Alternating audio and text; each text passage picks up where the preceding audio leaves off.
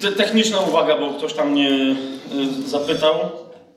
Mam tu ze sobą y, ta Biblia, z której cały czas korzystamy i będziemy korzystać tak samo na tajemnym planie. To jest współcześniona Biblia Gdańska i myślę, że większość z Was wie o co chodzi. Nie będę tego tłumaczyć. Y, Ale dla jeszcze bardziej zagorzałych studentów Pisma Świętego bardzo serdecznie Wam polecam. Naprawdę bardzo, bardzo, bardzo serdecznie Wam polecam. Wyszło, tu nawet jest gdzieś napisane, 31 października 2017 roku. To jest najnowsze w ogóle polskie tłumaczenie, nowy typ tłumaczenia. I co jest bardzo istotne, że to jest tłumaczenie na bazie tekstu z receptus. Czyli to jest. Słucham? Będziemy walczyć, nie, spokojnie, spokojnie, spokojnie. Poza tym wiesz, jedni kupią, za chwilę sprzedadzą na Allegro, spokojnie. To jest Pismo Święte, które zostało nazwane przekładem toruńskim i to jest na razie tylko e, Nowe Przymierze, ale e, wiecie, bo, bo teraz o co chodzi? Uwspółcześniona Biblia Gdańska nie jest nowym tłumaczeniem, tak? Ale jest tak zwaną, e, jak to się mówi, aktualizacją, coś w tym stylu, tak? Jest uwspółcześnieniem, czyli tłumaczenie, które zostało zrobione kiedyś i zostało przełożone ze staropolskiego na dzisiaj, w odniesieniu oczywiście do oryginału, ale to nie jest nowe tłumaczenie, tak? To tak zwana nowa Biblia Gdańska, przez chyba jak to się nazywa, Śląskie Towarzystwo Biblijne, czy jakoś tak się to, to nazywa, to było tłumaczenie na bazie, e, przynajmniej Nowego Przymierza, na bazie tekstu z Receptus. Uwspółcześniona Biblia Gdańska to jest tylko uwspółcześnienie starej, dobrej Biblii Gdańskiej, tak? A przekład toruński to jest naprawdę nowe tłumaczenie na bazie tekstu z Receptus. To nie Doktora, nie? To nie jest jest przekład toruński, ale nie z tamtej strony Torunia. E, e, Ładnie, w sensie strony są bardzo mocno wydane. Jak, jak się im przyjrzycie, e, można po nich pisać i nie, chyba nie przebijają z tego, co, co wiem. Ale bardzo istotne jest, później jak ktoś będzie zainteresowany, możecie podejść i to sobie obejrzeć. Mianowicie, dlaczego jest interesujące to tłumaczenie? Ponieważ E, nie stara się być ładne językowo po polsku, czyli czasem to brzmi trochę, wiecie, surowo, jakoś tak twardo, gramatycznie po polsku. I dziwne słowa się bywa, że pojawiają, ale jest bardzo wierne nawet czasem kolejności wyrazów, jakie są w oryginale. I co istotne, jak gdzieś się pojawia dziwny wyraz, tak? Jakiś dzi, taki, że my dzisiaj nie do końca mamy jego odpowiednik, czy mamy parę, to masz podaną, podane ich tłumaczenie, ale pod spodem mówią, że ten wyraz po grecku brzmi tak i tak, i że jego można też przetłumaczyć w taki czy w inny sposób, lub podają jakiś tam kontekst, że, że daje ci to szerszy em, ogląd. Okej? E, Podam Wam przykład, bo dzisiaj żeśmy troszeczkę o tym rozmawiali i to będzie w ogóle dosyć interesujący przykład. Mianowicie jest takie słowo e, w języku greckim, e, to, to proste słowo, e, słowo dulos. E, I ono oznacza zasadniczo, jak, jak, tu mamy problem. Dlatego, że tłumaczymy je w, w Biblii al, najczęściej albo jako słowo sługa, albo jako słowo niewolnik. I teraz y, sługa, wiecie, jak, jak mówimy sługa, to co macie na myśli? Że to jest wręcz no, ktoś, kto komuś służy, bo ma swojego pana, ale samo słowo jest takie dosyć dostojne, przyznacie, nie? Że to jest taki sługa wielkiego pana. To sam w sobie może przestraszyć jakiegoś gościa na wsi w Polsce, tak? Że przyjechał sługa Putina. No wiesz o co mi chodzi, tak? To jest takie a niewolnik znowu, my mamy duże, wiecie, takie skojarzenie Kunta Kinte, serial Korzenie, zasadniczo, no po prostu czarnoskórzy jacyś ludzie w łańcuchach, na plantacjach złych Amerykanów w Stanach Zjednoczonych. To jest niewolnik, wiecie o co mi chodzi, tak? I często zresztą ludzie mówią, o, Paweł popierał niewolnictwo, bo mają takie wyobrażenie, że tam jacyś ludzie byli w kajdanach i wszyscy ich bili i, i tak dalej.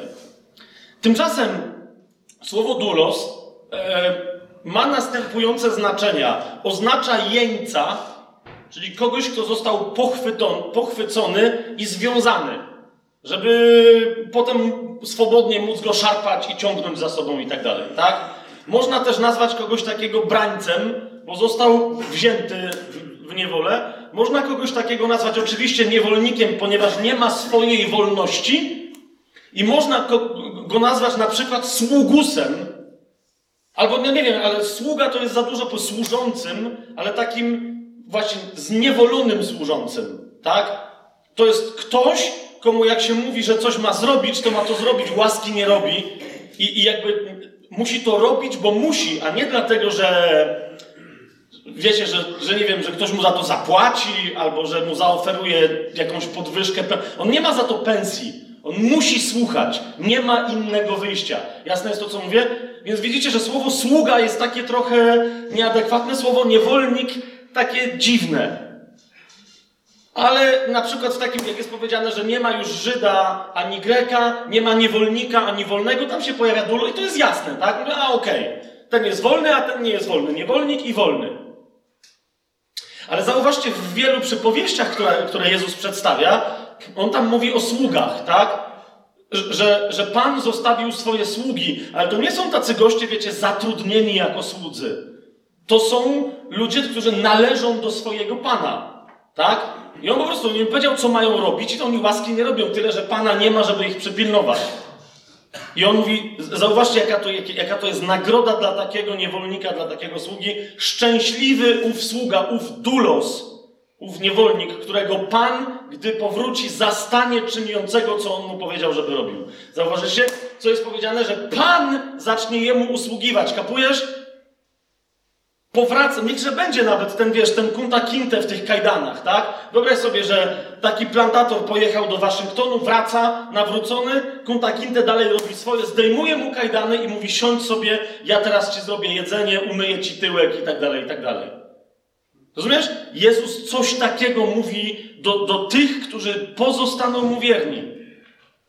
Ale teraz, bo teraz widzisz, E, my potem mamy parę problemów, na przykład jak sobie otworzycie list do Rzymian, to tym słowem określa sam siebie apostoł Paweł. W pierwszym rozdziale, w pierwszym wersecie mówi Paweł.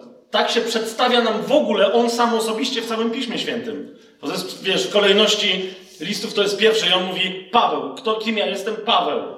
Kto jest nadawcą tego listu? Paweł. I tam jest napisane dulos Jezusa Chrystusa. Niewolnik Jezusa Chrystusa.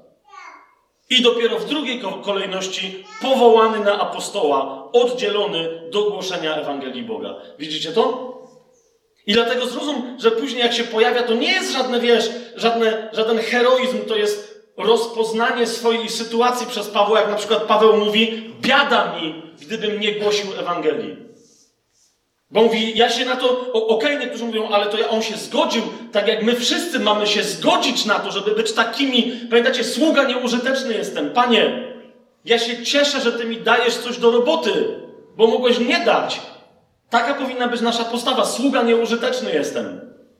To jest, to jest nasza decyzja. Ale, ale widzisz, y, Paweł mówi, że to jest to, kim on jest. Nie jest apostołem, nie jest nauczycielem, nie jest ewangelistą. Mówi Paweł, niewolnik Jezusa Chrystusa jako taki, jako niewolnik, powołany na apostoła i oddzielony do głoszenia Ewangelii Boga. I w, w innych miejscach powie, że to jest dla niego najwyższy zaszczyt.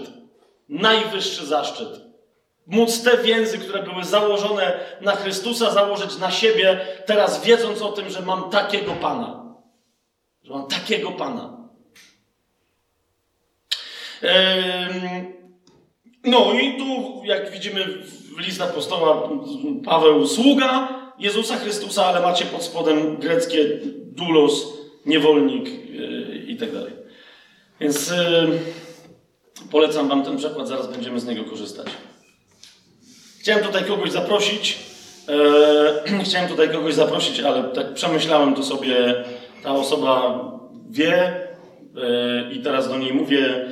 Później będziemy rozmawiać, ale myślę, że lepiej jest na razie tego nie mówić. Chyba, że chcesz, to przyjdź tutaj i powiedz, co masz powiedzieć. Ale myślę, że, że możemy przejść dalej. Bo chciałem tutaj jedną osobę zaprosić z czymś, e, nie wiem jak to powiedzieć, świadectwem. Trudno to nazwać świadectwem.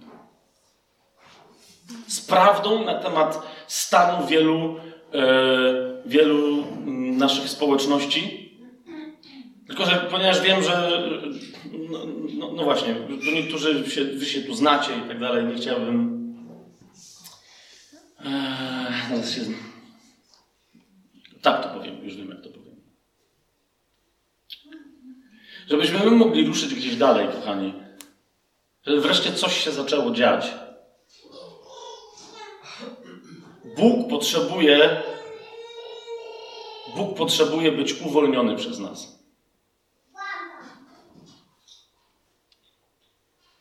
My mamy być, skoro ten przykład podałem, my mamy być dulosami i deleskami, bo tam jest jeszcze rodzaj żeński. Niewolnicami i niewolnikami mamy być Chrystusa, a robimy niewolnika z Boga sobie. I, i potem jeszcze mamy pretensję, że on nie działa. Żyjemy w epoce, w wieku, e, w czasie, w godzinie cierpliwości Jezusa, kochani. On się nie będzie przepychał. On jest cały czas tym, który knotka tlejącego nie dogasi i trzciny nadłamanej nie wyłamie do końca. Ale będzie raczej chciał połączyć ją na powrót z tym, od czego się odłamuje, żeby rosła dalej. Tam, gdzie jest jeszcze tlejący się knotek, będzie chciał rozpalić ogień. Taki jest Jezus. Taki jest Jezus. Jest, jest cierpliwy, jest miłosierny, jest dobry, jest czystą miłością. Ale bez tych wszystkich dziwacznych, ckliwych wyobrażeń, które my jemu narzuciliśmy, i potem kłócimy się i mamy pretensje do niego o to, kim on nie jest. I nigdy nie mówił, że jest. Nigdy nie mówił, że jest.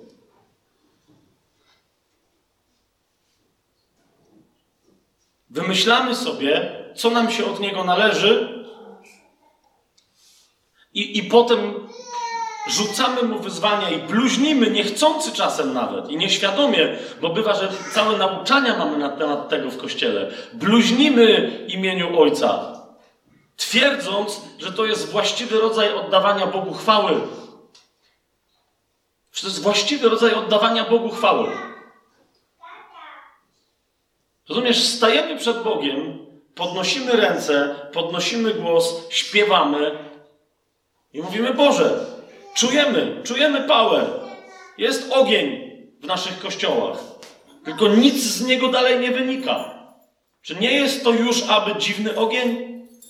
Jeszcze raz zrozumcie, ja nie jestem żadnym e, amerykańskim baptystą tropiącym charyzmatyków. Po prostu, tak? Bo wiem, że Duch Święty działa. Wiem, że Duch Święty wykonuje swoje dzieło. Wiem, że Duch Święty jest prawicą pańską, którą Ojciec wyciąga, aby dokonywać znaków i cudów w imieniu naszego Pana, a swojego Syna Jezusa Chrystusa. Wiem, że tak jest. Ale jednocześnie, kochani, czas najwyższy jest sobie powiedzieć wyraźnie, że tak nie jest. Znaczy inaczej, że my tego nie doświadczamy. Nie możemy sobie wmawiać, że tego doświadczamy, kiedy tego nie doświadczamy, Ponieważ wtedy nie zaczniemy doświadczać tego, co naprawdę, czego naprawdę moglibyśmy doświadczać, bo już ponoć doświadczamy czegoś, czego ja twierdzę, że nie doświadczamy.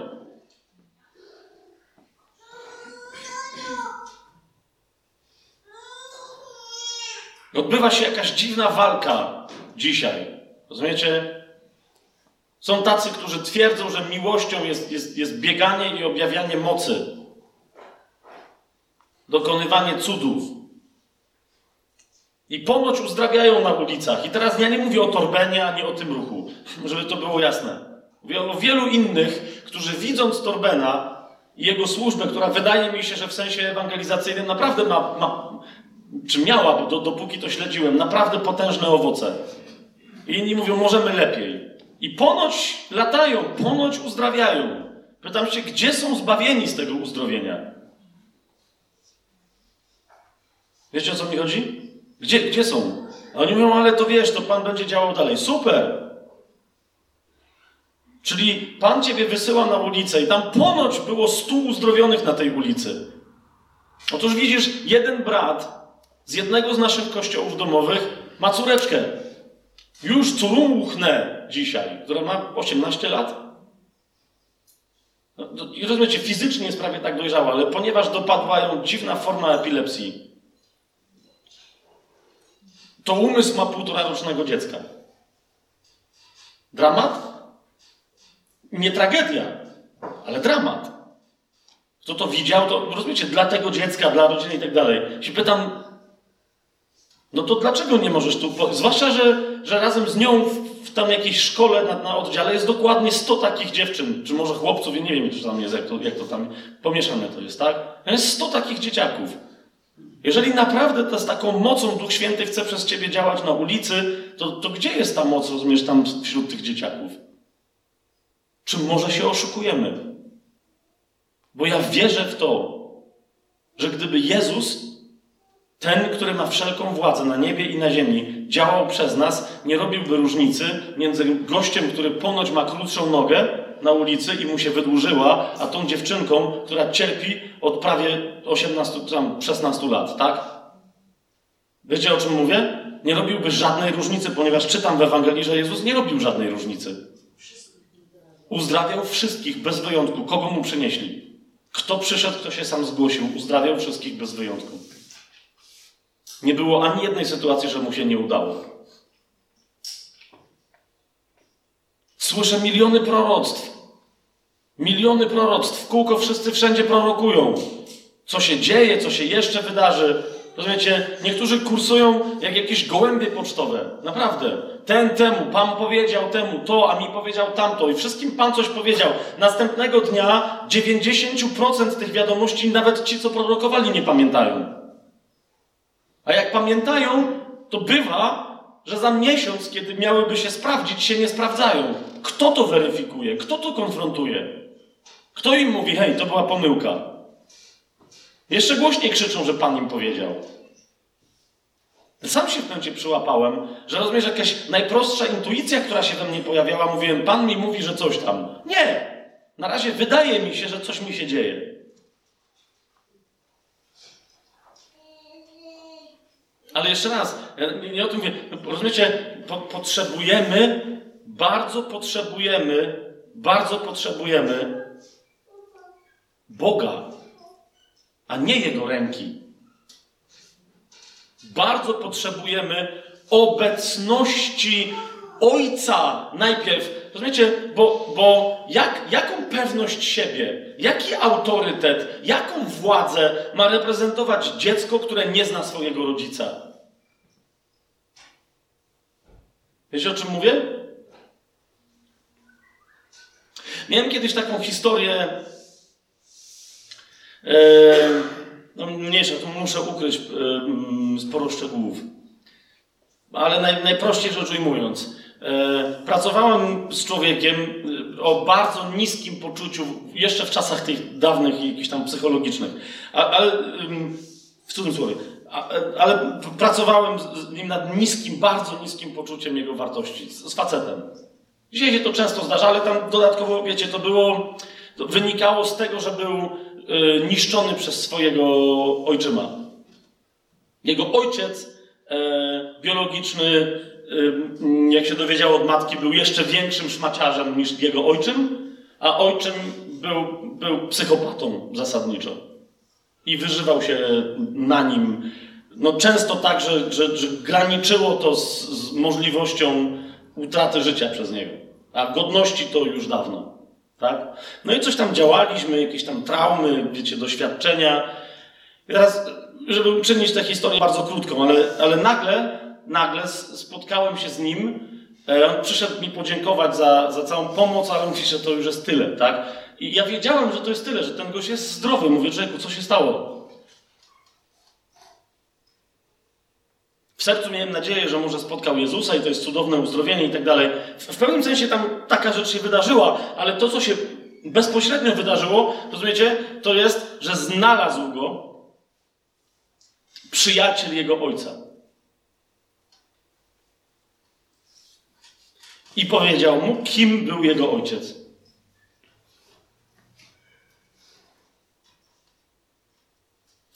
Okazało się, że jego ojciec był polskim komandosem, który z tego co pamiętam 23 e, chłopaków uratował. Co więcej, przed śmiercią oddał życie, i dlatego później on ostatecznie spotkał Jezusa, ale on przed śmiercią e, swoją bohaterską, nawiasem mówiąc, oddał życie Jezusowi. Także w pewnym momencie na, na służbie, e, trochę tak jak ten adwentysta, kojarzycie z, z tego ostatniego filmu Mela Gibsona, po prostu poprosił o to, żeby, żeby, żeby go jakby zrobić z niego sanitar, bo on stwierdził, że nie będzie strzelał. Tak? I to jest to. Ten facet, na, rozumiecie, i ten facet nagle zobaczył twarz swojego ojca.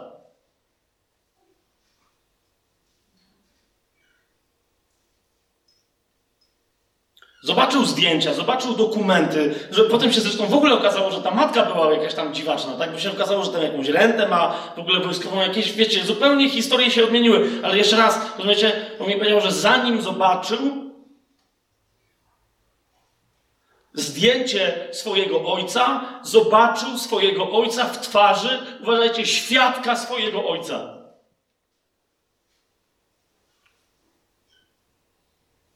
I teraz Czemu ja to ledwo mówię? Bo myślę sobie, o mój Boże.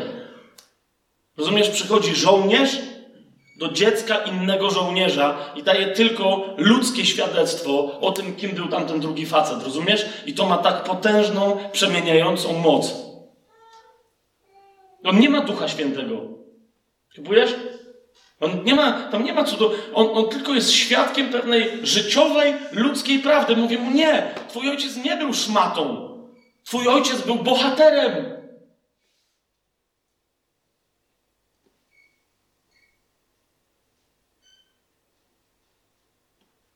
Rozumiesz? Musimy sobie to musimy jasno powiedzieć. Sobie to musimy jasno powiedzieć w oczy. Że po, po prostu, rozumiesz, ludzie nie, nie zobaczą Ojca inaczej, jak tylko widząc nas. I co widzą? Rozumiesz, o co mi chodzi? Co oni widzą? Dobra, ja nie mówię teraz o tobie. Patrzą na mnie i myślę sobie, co oni widzą? Rozumiesz, 20 lat bycia katolikiem, zakonnikiem, księdzem, znajomość Biblii, potem, rozumiesz, wcześniej Nowe Narodzenie, po, potem po 20 latach chrzest wodny i po tych, jeszcze tych dwóch latach myślę sobie, co i, i co dalej? Wszystko już dobrze zrobiłem? Ale pytam się, jak się ze mną spotykają ludzie, czy widzą twarz mojego Ojca, rozumiesz? Czy widzą twarz mojego Pana Jezusa? Czy ja, czy, czy oni to widzą? Co z tego, że rozumiesz, mogę stanąć teraz przed każdym i powiedzieć, że według tego, jak wierzę biblijnie, zrobiłem wszystko jak należy. Wszystkie kroki. Jestem nowonarodzony, jestem ochrzczony w wodzie, jestem ochrzczony w duchu. Eee, I co z tego? Co nie gra? Co nie pasuje? Dlaczego mamy takie sytuacje, rozumiesz, w kościele, że przychodzą jacyś ludzie, rodzą się na nowo, potem ktoś im mówi, no to kolejny krok, no to to jest chrzest, chrzczą się, nie bardzo wiedzą, co się tam dzieje i potem odpadają od kościoła. My mówimy, że odpadli od kościoła, coś tam się podziało. I naprawdę czasem odpadają. Złe duchy ich opętują, coś tam, ale kapujesz. I my potem jest rozważanie, czy można odpaść, czy nie można odpaść. Wyszedł siewca, zasiał, ziarno spadło na glebę taką, śmaką, owaką. Zawsze gdzieś jest błąd, zawsze ktoś jest winny. Rozumiesz? Zawsze ktoś coś. Dobra, ta poszła, tamten przyszedł. Dobra, ten poszedł, tamci przyszli. Super, jest jakiś przepływ. Największy chyba z kościołów ewangelicznych, pomijam kościół e, ewangelicko-augsburski z pewnych powodów, ale największy z takich, nie wiem, charyzmatycznych kościołów e, w tej chwili w Polsce, według danych z 2016 roku, to jest kościół zielonoświątkowy. Wiecie, ile ma ludzi? W całej Polsce. Według danych tam 4600, coś takiego. 4600 osób. O ile się tam nie mylę. Myślę, no okej, okay, no dobra. Kościół Boży w Chrystusie ma ile? 4 tysiące? Coś takiego. Rozumiecie, już chciałem wychodzić, mniejsza o to, czemu to sprawdzałem, już chciałem wychodzić i nagle patrzę, zaraz, jeszcze raz wróciłem mówię, co? I pomiędzy tymi danymi patrzę, polski kościół rodzimowierczy, co? Jeszcze raz, przecież to 10 lat temu, czy tam 15, to była jakaś kpina, że wiecie, że ktoś lata po lasach, i czci Peruna i No wiecie o co mi chodzi, no weź, że przestań. To jest poważna historia? Ale założyli związek. Patrzę, 4200 osób. No to pytam się powoli. E, Ewangelię głosimy w Polsce biblijnie. Od kiedy? I wszystkich biblijnie wierzących chrześcijan Polsce jest 40. No ktoś mi ostatnio powiedział, że dobra, 50 tysięcy, bo iluś tam ludzi w kościołach domowych nie znamy. Ale ja ich znam i nie wiem, czy to jest aż taki tłum. A z drugiej strony, jeszcze raz, przyjrzyj się po wielu kościołach ewangelicznie wierzących, czy twierdzących tak, czy tam naprawdę wszyscy są zbawieni? Wiesz, wiecie o co mi chodzi? A nawet jak są zbawieni w sensie takim, że naprawdę w akcie wiary, to czy później przyjmując chrzest w ogóle na przykład wiedzieli, co się w ogóle dzieje? Że, że wiecie, że to jest otrzymanie naprawdę z, z łaski w łaskę. Łaska za łaskę. Jak mówi Ewangelia Jana, tak? Ale już to jest kolejna łaska, ale to jest też zaproszenie do czegoś kolejnego. I teraz, rozumiesz, to jest łaska, która ma w tobie coś zrobić, a ty nawet nie wiesz, co ma zrobić. Rozumiesz? I, I wtedy łaska w tobie działa, a diabeł się śmieje, no bo wszyscy powiedzieli, dobra, to już masz załatwione. Nowe narodzenie, chrzest, jeszcze dodatkowo wiesz. Ten zaczął szabadaba, czyli modli się w językach. Super, jest wszystko załatwione. Co on teraz ma robić? Siedzieć w ławce w niedzielę na nabożeństwie. Jeszcze raz, żadna krytyka. Tak? Bo ja wiem, że ktoś powie, no okej, okay, okej, okay, to jest takie delikatne podpuszczenie, że kościoły domowe. To nie! Tu macie ludzi, którzy siedzą z kościołów domowych. I o, zobaczcie, Weronika od razu pokiwała głową. No, zaraz. Jest cały czas, rozumiesz, ciało Chrystusa jest jedno. I, I, oczywiście ja wiem, ruchy kościołów domowych już bywało, że się unosiły pychą, atakowały tradycyjne, ci, tamtych. I jak zwykle, no, walka o formę. Ciało Chrystusa jest jedno. I jeżeli jeden członek w tym ciele cierpi, to całe ciało cierpi. Cały Chrystus cierpi. Rozumiesz, to jest, to jest tak, jakby cię zaczął boleć palec, kciuk. Ale czekaj, bo tak widzicie, no dobra, ale tak wiesz, jak, wiesz, ja sobie kiedyś przyczasnąłem tego palca, do tej pory mam dziwnego paznokcia, przywaliłem się drzwiami od samochodu. Wiecie o co mi chodzi? O, o takim bólu mówię. To wtedy weź, weź napuść na tego palca oko. Rozumiesz, ciebie to nie interesuje. Przecież to palec cię boli. My nawet po polsku mamy takie głupie, tak? To nie, to nie ja boleję, to palec mnie boli. On mnie boli. No to teraz ból się sam. I mówisz, oko, dowal palcowi. I oko tam wiesz, o ty homie, a ten, a! Rozumiesz, a ja nie, a ja idę na lody, bo po prostu super, jest elegancko, ciepła pogoda, coś się przejem. To mnie, to mnie nie dotyczy, serio. Rozumiesz? I tak samo jest w ciele Chrystusa. Dokładnie tak samo jest w ciele Chrystusa. Jakikolwiek zresztą by to nie był problem. Zauważcie list do Hebrajczyków. Kolejna rzecz, jak mówię o stanie naszego kościoła, przecież czas się do tego przyznać. Po prostu zacząć od uczciwego przyznania się, przyzwoitego, szczerego przyznania się, czego doświadczamy, a czego nie doświadczamy. Ostatnio ktoś tam mi powiedział, że on tego nie doświadcza. No mówię, no. Mówi, no ale jak ja tego nie doświadczam, to po co ja to mam robić? Jak tego nie doświadczasz, to tego nie rób, tylko zadaj sobie pytanie, czemu tego nie doświadczasz. O co chodziło? List do Hebrajczyków, 13 rozdział, trzeci werset.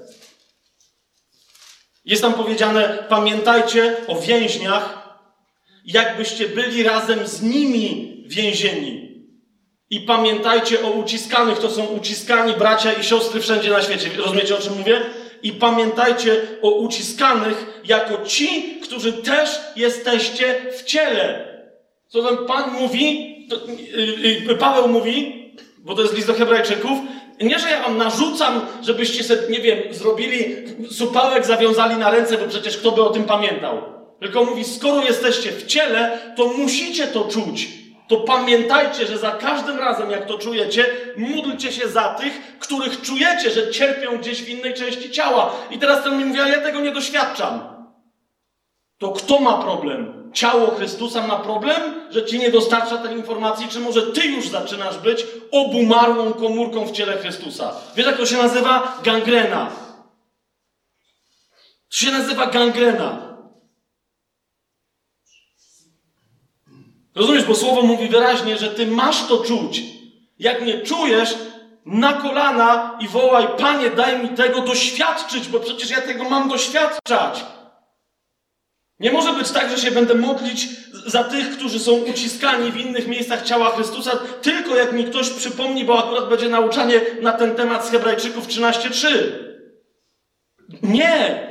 Daj mi to doświadczenie. Rozumiesz, to jest. I teraz Pytasz mnie, ale czy Pan odpowie?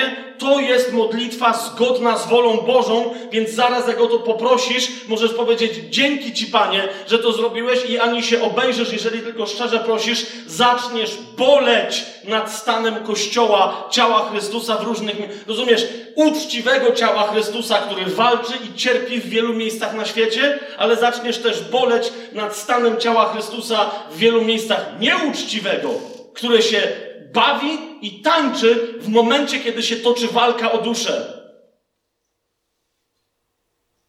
Po prostu. Po prostu. Ja nie mówię, że, że, że my na nabożeństwach nie powinniśmy oddawać z mocą chwały Bogu, bo ona mu się należy. Amen? Amen! Ale pytam się, gdzie są nabożeństwa bolejące? I nie chodzi mi o gorzkie żale, rozumiecie? Nie o to mi idzie.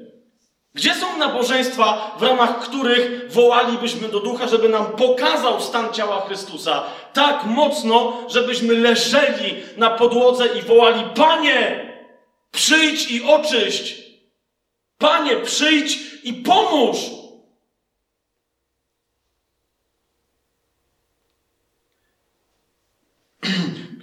jeszcze jak, e, bo od jakiegoś czasu Pan mi powiedział, że w ogóle nie czytał pewnego względu, że w ogóle nie czytał żadnych wiadomości nigdzie. Ale pamiętam, że jakiś już czas temu, nie wiem, to było dwa lata temu, była taka, to się stało takie sławne, ee, wiecie, że, że tacy jacyś ogromni goście, tacy jacyś koszykarze irańscy, czy ISIS, czy czego oni tam byli, ubranych na pomarańczowo chrześcijan ścinali. Pamiętacie to? I, i ja wtedy myślałem, że umrę. Na, naprawdę myślałem, że umrę, jak sobie uświadomiłem, rozumiecie, że, że rozważam przez jakiś czas, czy też nie powinienem gdzieś zamieścić tego zdjęcia z podpisem ja też jestem z nimi, czy tam to moi bracia, czy rozumiesz, wiesz dlaczego? Nie, że okej, okay, napisałbym to i bym się przyznał, ilu wtedy chrześcijan, ja nie chcę tu nikogo obrazić, tak? Bo, bo, nie to jest złe, tylko to, co w sobie odkryłem, że jest złe, to jest to, że rozumiesz, że nagle odkryłem, że jakbym puścił to zdjęcie, nie wiem, na, nie mam Twittera, ale na Facebooku czy gdzieś tam, to, to że prawdopodobnie uznałbym, że rozumiesz, że, że już wsparłem moich braci. Kapujecie o co mi chodzi? Że wsparłem, rozumiesz? Że wsparłem moich braci? Czym? Że zdjęcie zamieściłem i powiedziałem tak, ci bohaterscy ludzie to są moi bracia. Rozumiesz? No normalnie jak jakiś kibol z powrotem z Nowej Huty. Ta! Kolejnego brata nam zabili. Śmierć Krakowi. Rozumiesz? Serio? Serio? To jest to? Jest to, co ja mam robić jako chrześcijanin?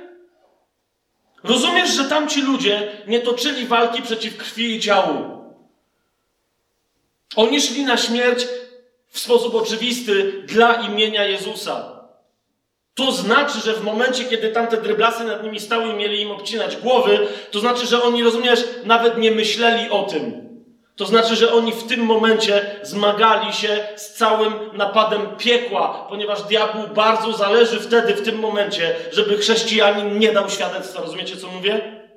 Sprawdźcie dokładnie w Biblii, teraz nie będę o tym mówił, ale sprawdźcie dokładnie w Biblii, jak w wielu miejscach jest powiedziane, że ten, kto, żeby wspierać tego, rozumiecie, żeby się modlić o ten moment, żeby być gotowym dać świadectwo wtedy, kiedy przyjdzie dać świadectwo. Bo będą też święci, nawet w czasie wielkiego ucisku, który nie, którzy nie przyjmą znamienia bestii na siebie. Tak? Tak, ale Słowo Boże mówi wyraźnie, że tam się okazuje cierpliwość świętych, bo będą tacy, którzy przyjmą. Rozumiesz? Którzy będą twierdzić, że są chrześcijanami, ale jak przyjdzie co do czego, przyjmą. Przyjmą. I żeby nie być gołosłownym, był jeden kozak, który myślał, i to naprawdę kozak, ja teraz nie, nie cwaniakuję, naprawdę kozak, ale w tym momencie jeszcze nie był kozakiem, który dokładnie myślał, że co to jest. Przecież nie boję się człowieka. Rozumiesz? Ale ci tam, nasi bracia, stanęli przed wszystkimi mocami piekła i tym mocom piekła wyśmiali się w twarz. Bo powiedzieli, jest naszą radością znać moc zmartwychwstania Jego, moc żywota Jego, moc Jego samego mieszkającego we mnie oraz znać wszystkie te cierpienia, które jeszcze muszę ponieść, aby dopełnić swoją misję na tej ziemi dla chwalebnej czci i wywyższenia mojego Pana. Jakie jeszcze, jak, jakie cierpienia miałyby się pojawić, rozumiesz, żeby miały mnie odłączyć od Chrystusa? Wszyscy czytają list do Rzymian początek. Nie ma już potępienia dla tych, którzy są w Chrystusie. Przeczytaj sobie, co jest na końcu. Rozumiesz? To jest pewność, którą ja nie przeczytałem sobie i mówię, super, nie ma już potępienia, tralala. Tylko tam zaraz jest, okej. Okay. Rozumiesz, diabeł przychodzi i mówi, serio, jesteś taki pewny, tak? Jasne. No tu ma, i tam masz wymienione wszystkie rzeczy. Głód, cierpienie, miecz, prześladowanie, nagość, pamiętacie to?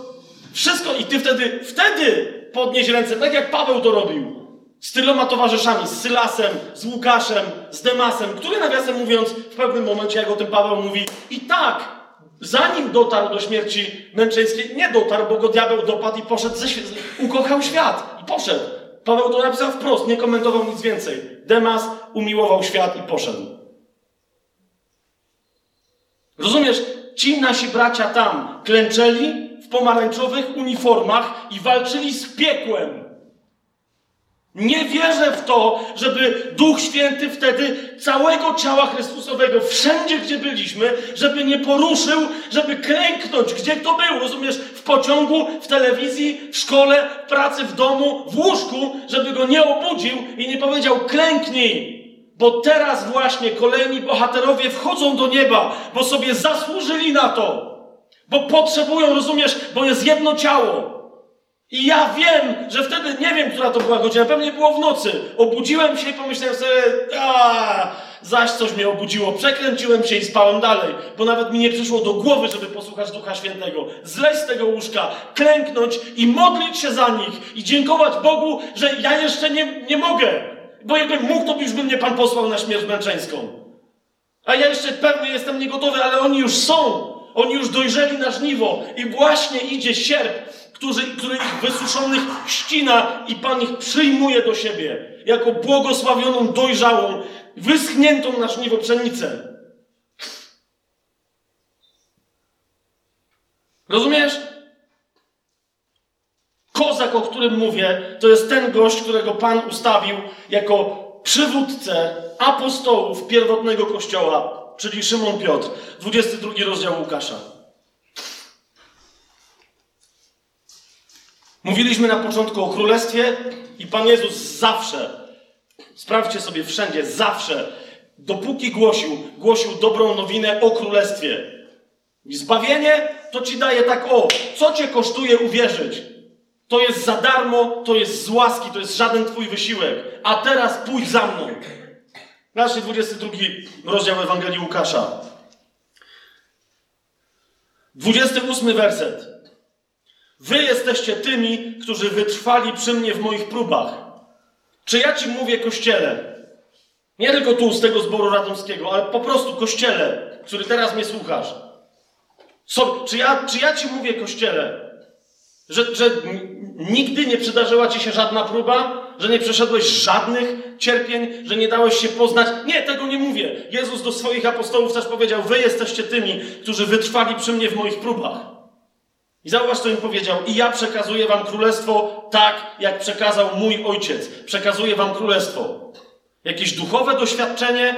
Nie! Tutaj jeden brat do mnie podszedł. Mogę o tym powiedzieć? W czasie przerwy. Mówi, że słuchał tajemnego planu. Bo rzeczywiście ja sobie zapomniałem, że tam kiedyś fragmenty tego Ireneusza y, czytałem na temat tysiąca. Kościół katolicki. Gdzieś tam, no, mniejsza o to, tak? Mówi, że słuchał, jechałeś samochodem, tak? Mówi, że słuchał tego, no i właśnie, tak mówiłem tylko o tym, że Ireneusz napisał, ja o tym zapomniałem, że to czytałem, między innymi, że lwy będą się, bo zwierzęta nie przestaną znowu jeść inne zwierzęta, będą jeść rośliny, że lwy będą jeść słomę po jakimś tam zbożu, po pszenicy. Ale rozumiecie, wiecie, wiecie, jak duży jest lew, tak? I tam Ireneusz opisuje, że on po prostu jed, jeden taki, wiesz, jedną taką słomę, taką rurę, rozumiesz, że będzie se żarł jak po prostu najlepsze mięsiwo. To wyobrażasz sobie, jaka z tego będzie musiała być pszenica? Bezglutenowa? I teraz chodzi mi o to, że ja tylko, wiesz, przeczytałem to i teraz dla kogoś, kto był całe życie uczony tego nieba takiego jakiegoś, wiecie, które dla mnie po prostu od małego ja tylko bałem się to powiedzieć, ale dla mnie to było piekło. Pójdziesz do nieba, będziesz siedzieć na chmurze, dadzą ci śpiewnik i będziesz napitalać, że cytuję jednego mojego kolegę z Nowej Huty, będziesz napitalać na wieki wieków amen. Co? No będziesz śpiewał. Bóg by... Rozumiesz, mi się to kojarzyło, że ja po prostu na wieki będę ministrantem w kościele jakimś w niebie, rozumiesz, jakimś... Ja cię kręcę! No nie mieliście kiedyś czegoś takiego, dajże spokój, nie? Straszne! A tu się nagle dowiadujesz takich rzeczy, no nie, że jakaś pszenica jedna będzie czymś tak fascynującym. I tu, I tu mi brat mówi, że po prostu, że musiał zatrzymać samochód, bo jak nie to, co ja tam powiedziałem z Ireneusza, tylko dotarła do niego prawda o namacalności absolutnych, cudownych bogactw, jakie Pan dla nas dopiero przygotował, po prostu musiał się zatrzymać, zaczął płakać nad tym, jak realne są Boże obietnice. Natomiast to nie jest jakaś abstrakcja, siedzenie, ja zawsze to powtarzam, że w najlepszym wypadku, jak to nie jest wieczysta liturgia katolicka, to to jest przebywanie e, w czystej wersji Windowsa XP. Niektórzy nie wiedzą o co chodzi. Tam był taki defaultowy, taki, e, takie tło, niebie, niebieskie niebo, zielona trawa, biała chmura i nic więcej. No, takie jeszcze większa masakra. No, I taki Bóg, który mówi, masz, raduj się tym na wieki. Dzięki. I łazisz, rozumiesz, całe niebo w zielonej trawie, niebo jest niebieskie, białe chmury. No najwyżej przeskoczysz z zielonego na biały, rozumiesz, nie? To nawet dziecko, które gra w jakąś fascynującą grę, myśli sobie, co fascynującego może być w tym desktopie, no nie? Tam są trzy kolory z odcieniami. Więc a zobacz, nawet w takim prostym momencie Jezus ma ideę królestwa namacalną. Zobacz, co mówi. Ja wam przekazuję królestwo tak, jak mnie przekazał mój ojciec, abyście jedli i pili za moim stołem w moim królestwie i zasiadali na tronach, sądząc dwanaście pokoleń Izraela. Widzicie to? Konkret, abyście jedli, abyście pili, abyście zasiadali przy moim stole. Rozumiesz, co to jest? Jest Jezus. Ja powiedzieć, że nie wiem, jak to będzie tam zrobione, będzie jakaś rotacja czy coś. Już się trochę wkurzam o to, no nie? Nie wiem na przykład, czy aż taki jest sens, żeby tyle ludzi zbawiać. W sensie prowadzić do Jezusa. Potem rozumiesz, nie? Tam jest tylko tysiąc lat w tym pierwszym królestwie, tak? Znaczy to jest to samo, ale chodzi mi o to, że nie wiem, tam się, kiedy tam się dopchasz, żeby obok Pana Jezusa siedzieć, no nie? Ale to ja wiem, że Jezus jakoś to tam, jakoś to on to jakoś lepiej tam zrobi. Nie wiem. W każdym razie to jest konkret. Siedzisz przy nim, biesiadujesz, rozmawiacie. Wyobrażasz to sobie, tam wychodzicie, Jezus coś tam ci pokazuje, nie? I patrz, co tam Ruscy na Syberii zrobili. Weź, tam skocz i wyjaśnij im, no nie, że to tak nie wolno. I, i ty, oczywiście, pani, jest, wiesz, to jakieś czady. Więc kapujesz, wytrwaliście przy mnie, mówi Pan Jezus, w moich próbach. Jeszcze raz zwróćcie zwróć uwagę, jak często nam się wydaje, że jesteśmy doświadczonymi, dojrzałymi, wypróbowanymi chrześcijanami, tylko dlatego, że wzięliśmy udział w cudzych próbach. Ja wiesz, ja mam doświadczenie, bo e, wspieram pastora. Cierpi bardzo nasz pastor. Super. Fajna postawa. Ale wiesz, że to nie jest Twoja próba, tylko Jego. To nie jest Twoja próba. Byłem w Jordanii. Powiada mi jeden. Mówi, tam widziałem prawdziwych uchodźców. Tam widziałem naszych braci i siostry. Mówi, to jest, to mówi naprawdę biblijnie wierzących. Mówi, z Syrii, którzy tam musieli uciekać. Nie na północ, nie do Europy, ale na południe uciekli, do Jordanii. Człowiek, przerażające obrazy. Byłem tam półtorej miesiąca. Amen, bracie, dobrze że, dobrze, że to zrobiłeś. Dobrze, że ich pocieszyłeś. Ale rozumiesz, że to nie była twoja próba. Tylko ich. To nie była twoja próba. A Jezus do ciebie i do mnie mówi: kup sobie u mnie złota w ogniu oczyszczonego. Ty sobie kup. Zauważ, jeszcze raz. Wy jesteście tymi, którzy wytrwali przy mnie w moich próbach, mówi Jezus. Zauważ, jak ja to pierwszy raz przeczytałem, nie? Jak łatwo byłoby kupić temat, że, że to oni już są wypróbowani i dlatego dostaną królestwo. Bo za chwilę dostaną obietnicę królestwa. Ale zauważ, co się dzieje w 31 wersecie zaraz po tym. Będziecie sądzić 12 pokoleń Izraela, Izraela i powiedział Pan Szymonie, Szymonie, oto szatan wyprosił, żeby was przesiać jak pszenicę. A więc Jezus mówi teraz, ja już kończę swoje dzieło, teraz na was kolej. Czy jesteście gotowi? Ale ja prosiłem za tobą, mówi Jezus, żeby nie ustała twoja wiara. Nie, nie martw się, bo za mnie i za ciebie Jezus tak samo wyprosił. Rozumiesz? Nie będziemy teraz tego rozważać, ale jak na krzyżu zakrzyknął, wykonało się, to, to znaczy, że również Jego wstawiennictwo, to żeby Twoja i moja wiara, żeby nie ustała. To zostało tam załatwione przez Jezusa, to zostało załatwione. I znów w wielu miejscach Słowo Boże nas o tym zapewnia, ale to nie znaczy, że Twoja wiara została, rozumiesz, jej stałość została, tylko zostało Ci zapewnione, że masz wystarczająco dużo łaski. Ale posłuchaj, co mówi Szymonie, Szymonie, oto szatan wyprosił, żeby was przesiać jak pszenicę, lecz ja prosiłem za tobą, żeby nie ustała twoja wiara. I teraz popatrz do tego Szymona, co mówi Jezus. Ty zaś, kiedy się nawrócisz, utwierdzaj swoich braci. Mówi tu do gościa, który, rozumiecie, w trzech podejściach musiał go powoływać. W trzech podejściach. Jan opisuje inne podejścia, pozostałe Ewangelie inne podejścia. Mówi to do gościa, który już bolał przed Panem, padł do niego w łodzi, do jego stóp i powiedział: Panie, ja jestem człowiek grzeszny, odejdź ode mnie. Mówi to człowiek, do którego Jezus powie w czasie ostatniej wieczerzy, Szymonie, i do innych. Mówi: Wy już jesteście czyści przez słowo, które do Was powiedziałam, jeszcze tylko nogi potrzebuję Wam umyć. A więc mówi do człowieka, rozumiesz, i nadal Jezus mówi: Kiedy się nawrócisz, utwierdzaj swoich braci. On myśli, że to tylko Zobacz, potem masz cały jeden kościół, pierwszy kościół e, z tych siedmiu opisanych w Księdze Objawienia. E, kościół efeski. Pamiętaj skąd spadłeś i się nawróć. Upamiętaj się, pokutuj, wróć do swoich pierwszych czynów. To samo Pałtułą się dowiaduje.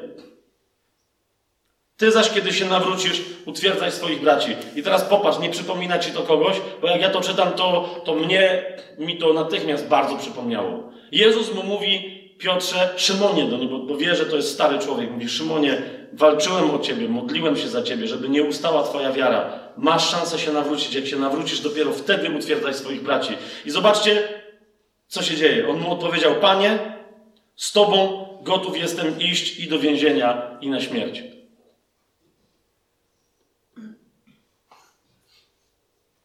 Widzisz, o czym mówię? Bo on myśli, że to jest tylko kwestia, niech mi ktoś zada cios mieczem i będzie po wszystkim i będę chwalebnym męczennikiem. Nie rozumie jeszcze o co chodzi.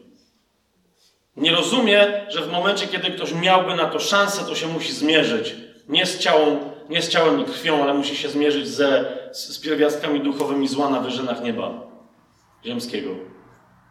Jezus mu odpowiedział, mówię ci, Piotrze, i on już zauważ, zmienia, mówi Szymonie, mówi do nowego człowieka, mówię ci, Piotrze, zanim dziś kogut zapieje, trzy razy się wyprzesz, że mnie znasz. Trzy razy się zaprzesz.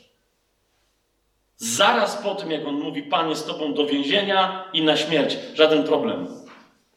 Czy, czy potem więzienie złamało Piotra? Czy może ktoś mu zagroził, zabiję cię, ty chodziłeś z Nazareńczykiem? Nie!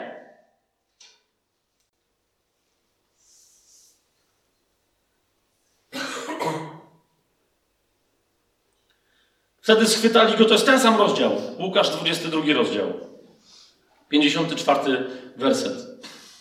Wtedy schwytali go to znaczy Jezusa, poprowadzili i przywiedli do domu najwyższego kapłana, a Piotr szedł za nim z daleka. Gość, który dopiero co powiedział, Panie, z Tobą do więzienia i na śmierć. Zobacz, kogo się przestraszył Piotr. Kiedy rozniecili ogień na środku dziedzińca i usiedli razem, usiadł i Piotr wśród nich. A pewna służąca, niewolnica, gdy zobaczyła go siedzącego przy ogniu, uważnie mu się przyjrzała i powiedziała: On też był z nim. Czy ona do niego podeszła z kałachem, nie wiem, nóż mu przyłożyła do gardła i powiedziała: Zamorduję cię, chodziłeś z Jezusem z Nazaretu. Niewolnica! Rozumiesz, niewolnica. Przyjrzała się i mówi: On też był z nim. Tyle. Nawet nie wiadomo, rozumiesz, może nienormalna była. Może niedorozwinięta była. A może dorozwinięta. Ale kim ona była? Lecz on zaparł się go, mówiąc: Kobieto, Zauważ, kim się staje niewolnica nagle w oczach wolnego Piotra. Staje się niewiastą. Mówi, kobieto, nie znam go. Człowiek, który się boi, musi się zacząć podlizywać tym, których się boi. Nawet jeżeli twierdzi, że się nie boi, jak idzie do lekarza i widzi, że lekarz ma na imię Tadeusz, to nie mówi do niego panie Tadziu, tylko mówi do niego panie doktorze. Wiecie o co mi chodzi? Jak się dzieci boją albo są straszone, nie wiem, w zwyczajnej podstawówce, nie wiem jak jest teraz, nie chcę nauczycieli obrażać, ale rozumiecie, jak jest pani od polskiego i ma na imię Krystyna, co za problem, żebym do niej mówił pani Krysiu? Dobra, jesteś gnojem, masz 8 lat. No to nie wiem, pani Krystyno, albo nie wiem, nie uczyła chyba Krystyna Mazur. To mówi, pani, Mazuro, pani Mazurowa, jak niech to się odmienia? Jest polonistka, niech mnie nauczy, tak? Ale nie, w razie czego lepiej jest, jak dziecko w podstawówce do pani magister mówi pani profesor. No bo rozumiesz o co chodzi, no nie? Znałem takiego żula, profesjonalnego żebraka w Warszawie. On zawsze, jak widział policjantów, do pierwszego z brzegu mówił panie generale. Kiedyś mu poradziłem, żeby admirała, ale nie, nie mówi, oni pływają ci chodzą. Nie. Wiedział, panie generale. Kobieto, nie znam go. Po chwili ktoś inny go zobaczył i powiedział: Ty jesteś z nich. A Piotr odrzekł człowieku: Nie jestem. A po upływie około jednej godziny ktoś inny stwierdził: Na pewno i ten był z nim, bo też jest Galilejczykiem. Tu rozumiecie, to już nawet, to nawet nie jest świadek żaden, to jakiś chłop coś jest późno w nocy, jest im zimno, palą ognisko, może pili wino i ten, okej, okay, ten jest Galilejczykiem, ten też jest Galilejczykiem, pewnie się chłopaki znają. Rozumiesz, to było takie, tak? Normalnie, że a weź, uspokój się, tak? Piotr zaś powiedział, człowieku, nie wiem, o czym mówisz. I natychmiast, gdy on jeszcze mówił, zapiał kogut. Piotr był tak zaaferowany tym, co się wokół niego dzieje. Trzech ludzi rzuciło sugestię. Hmm, może byśmy go chociaż kopnęli w tyłek, bo chodził za Jezusem. A przed chwilą w tym samym rozdziale do więzienia i na śmierć. Panie, jestem gotowy. Rozumiesz, jak za trzema anonimowymi ludźmi stoją moce piekieł, to ten prawie zdechł ze strachu. I w tym momencie Jezus został wyprowadzony, 61 werset, a Pan odwrócił się i spojrzał na Piotra. I przypomniał sobie Piotr słowa Pana, jak mu powiedział, zanim kogut zapije, zapieje, trzy razy się mnie wyprzesz. I Piotr, wyszedłszy na zewnątrz, gorzko zapłakał. Ja rozumiem, że mogą być tu na sali ludzie, którzy siedzą już, rozumiesz, uznali cały swój grzech przed Jezusem, byli pod krzyżem. Rozumiem, że, że poszli do chrztu, są ochrzczeni w Duchu Świętym, mają wiele lat doświadczenia. Kochani, widzę, widzę was, szanuję was, zrozumcie. Może, być może ja tu jestem jedynym człowiekiem, który, który, do którego w ogóle to, co ja gadam, jest skierowane. Może ja sam do siebie gadam. To dziękuję wam, że, że mi towarzyszycie. Naprawdę, super. A, ale myślę, że ten moment, rozumiesz, Piotrze, Szymonie, kiedy się nawrócisz, wtedy dopiero umacniaj swoich braci. Ten moment to jest coś, czego potrzebujemy w kościele. Ten moment to jest coś, czego potrzebujemy w kościele. Spojrzeć w oczy uwiązanego, ubitego, wyprowadzonego Pana od Annasza do Kajfasza, od Heroda do innego smroda. Rozumiesz? Spojrzeć i powiedzieć, gdzie ja stoję. I spojrzeć mu w oczy i gorzko zapłakać.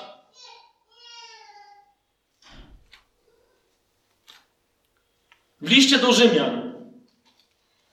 Niektórzy mi mówią, jak to, jak to jest, jak to jest, rozumiesz, ludzie się chrzczą, to jest to ziarno, tak? To, że ono spadło, tam ciernie, tam coś. Jak to jest, że ludzie się chrzczą i potem odpadają od kościoła i nie ma ich czasami, czy w ogóle, wiesz, utracili zbawienie i te wszystkie brednie. Jeszcze raz, rozumiesz, a ile osób idących dzisiaj do chrztu dowiaduje się o tym, że przez wiarę co mają załatwione, a więc od, od czego zostali zbawieni, a do czego uwalnia i zbawia ich chrzest. Ile osób to zrozumiało? Rozumiesz? Niektórzy uważają, że to jest takie najważniejsze dokonało się przez wiarę, a chrzest to jest takie dopełnienie. Wiecie o co mi chodzi, tak? Że, że, że wiara to jest wejście na uniwersytet chrześcijański, a chrzest to jest odebranie dyplomu. To już jest tyle. Chrzest to jest dopiero wejście na Uniwersytet Chrześcijański. Cóż więc powiemy? Czy mamy trwać w grzechu, by łaska obfitowała? Nie daj Boże! Szósty rozdział listu do Rzymian. Od początku czytam. My, którzy umarliśmy dla grzechu, jakże możemy jeszcze w nim żyć? I ktoś powie, ale jak to my umarliśmy dla grzechu? No przecież yy, kiedy niby? Czyż nie wiecie, trzeci werset, że my wszyscy, którzy zostaliśmy ochrzczeni w Jezusie Chrystusie, w Jego śmierci, zostaliśmy zanurzeni? I ktoś powie, a no tak, no bo jak mnie zanurzali, to powiedzieli, czy tam w imię Ojca i Syna i Ducha Świętego, czy w imię Jezusa, ale w każdym razie umierasz i za chwilę z martwych wstajesz z Jezusem. Super! No to już, to stało się. Łaska wszystko załatwiła, tak? Tak, czwarty werset mówi Paweł. Zostaliśmy pogrzebani z nim przez chrzest w śmierci. Po co? Aby jak Chrystus został wskrzeszony z martwych przez chwałę Ojca, tak żebyśmy i my postępowali w nowości życia. Krótko mówiąc, rozumiesz, wychodzisz z chrztu, wszedłeś tam, czy weszłaś tam, dlaczego? Żeby otrzymać moc śmierci Jezusa, moc zmartwychwstania już była. Wchodzisz w chrzest i otrzymujesz ją, moc śmierci Jezusa. Do czego? Do uśmiercenia swojego ciała i jego tendencji. Żeby dusza zaczęła wreszcie słuchać ducha, a przestała być służącą ciała. Ale rozumiesz, masz tę moc! To jest to! Masz tę moc! Masz tę moc! Siedział gość, nie mógł chodzić. Sparaliżowane nogi. Przychodzi Jezus, mówi wstań. Ten wstał. Wyobraź sobie to. Jezus mówi, jesteś uzdrowiony, lataj. Czy otrzymał łaskę uzdrowienia? Pytam się, otrzymał moc w nogach, żeby chodzić? Otrzymał. Ale teraz wyobraź sobie, że ten gość, zanim sprawdzić, jak wygląda ta, ta moc, i zanim pójść, biec, skakać, Zamiast tego z powrotem klapnął na ziemię i mówi, ale lepiej mi było, jak... co ja teraz będę robił z tymi nogami? Za zbiegania będę żył. Tu już mam obczajony biznes, będę żebrał dalej. Śmieszne? No, no bo śmieszne. To teraz zobaczcie, jak wielu chrześcijan tak żyje. ja tak żyję. Może ty nie żyjesz, ja tak żyję. Bo każdego dnia, rozumiesz, każdego dnia mówię, Duchu Święty, czy ja jeszcze mam cokolwiek do oczyszczenia? Przychodzi Duch Święty, mówi, jesteś gotowy? Jasne, dawaj. Ostatnie trzy dni. Myślałem, że umrę, naprawdę, znowu, w sobie. I nawet miałem ochotę, mówię, Boże, weź, weź, weź mnie, weź mnie. Po prostu weź mnie.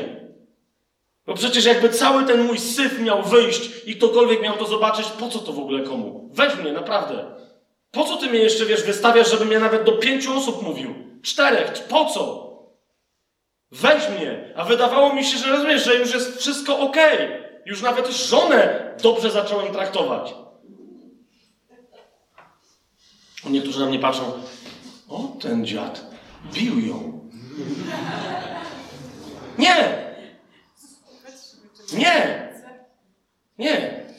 Ale mnie postraszył Piotr, mówiąc, że mężowie mają stosować, ma, mają stosownie i odpowiednio podchodzić do swoich żon i traktować je ze szczególną delikatnością jako znacznie bardziej wrażliwe naczynia Pana, a współdziedziczki tej samej łaski. Bo jeżeli tak nie zrobią, to może być przeszkodą dla ich modlitw.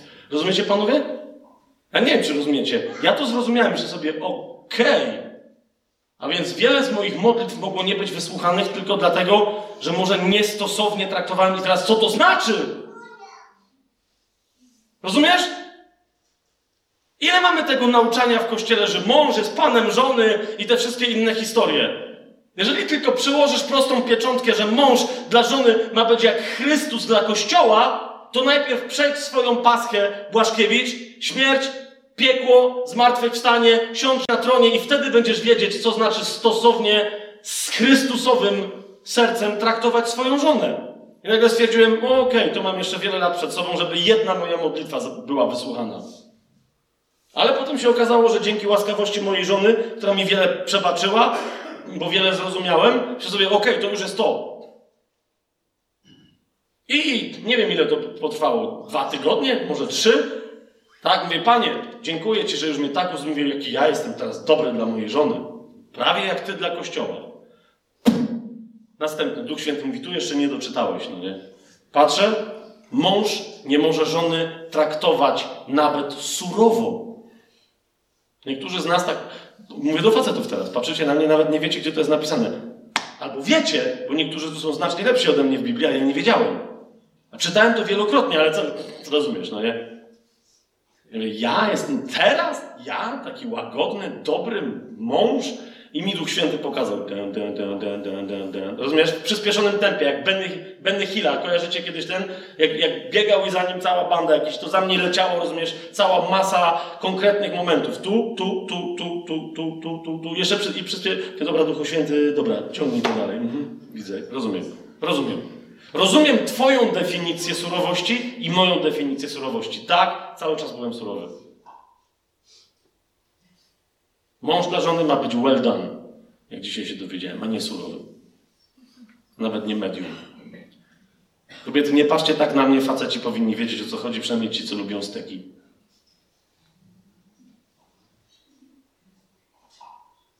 Wszystko masz pozałatwiane? Jeszcze raz, widzisz, to, to jest to, nagle odkryłem, że ja wcale nie biegnę, nawet nie stoję. Mam nogi, żeby iść, jest wyraźnie powiedziane. Aby jak Chrystus został wskrzeszony z martwych przez chwałę Ojca, tak żebyśmy i my postępowali w nowości życia. W innym miejscu Paweł napisał do Galacjan, mając życie od ducha, żeby w duchu też chodzić. Gdzie ja chodzę? Mam moc, ale siedzę, jakbym nie miał. Dlaczego? Przypomnijcie sobie, jak skończyliśmy nasze poprzednie spotkanie. Ponieważ Słowo Boże jest od tego, żeby je stosować. Słowo Boże jest od tego, żeby go przestrzegać w swoim życiu. W momencie, kiedy chodzę, to mam moc. W momencie, kiedy chodzę.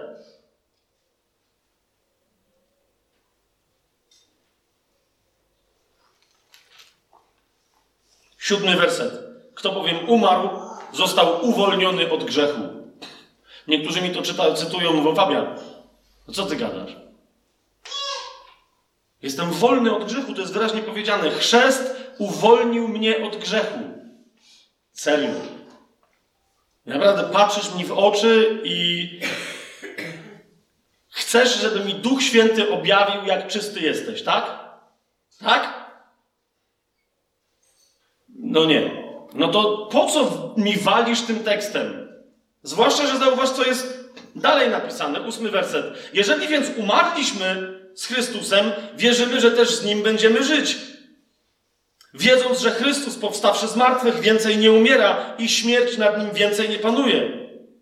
I jedenasty werset. Tak i wy uważajcie siebie za martwych dla grzechu, a żywych dla Boga w Jezusie Chrystusie, naszym Panu. Co to oznacza? Dwunasty werset. Niechże więc grzech nie króluje w waszym śmiertelnym ciele, żebyście mieli mu być posłuszni w jego porządliwościach. Czyli Jestem wolny od grzechu, a grzech dalej może królować w moim ciele? To o co chodzi? Mam moc do tej wolności od grzechu. Trzynasty werset. Dlatego pisze Paweł, dlatego nie oddawajcie waszych członków jako oręża niesprawiedliwości grzechowi, ale oddawajcie samych siebie Bogu jako ożywieni z martwych i wasze członki Jemu jako oręż sprawiedliwości. To, to wy to musicie zrobić. Nie rozumiesz? Ty, ty możesz zrobić, masz moc. Teraz już się nie ma. To jest to, co zrobił chrzest. Ale zauważ, jak wiele osób nawet o tym nie wie. Oczekują od chrztu jakiejś magii. De facto go przyjmują jak sakrament dalej w kościele. Tylko tam coś miał ten sakrament zrobić dziecku w kościele katolickim, a tu coś miał zrobić tobie dorosłemu. I niektórzy naprawdę później przyjmują, rozumiesz, wychodzą z tej wody, mija parę dni i mówią, e, bez różnicy.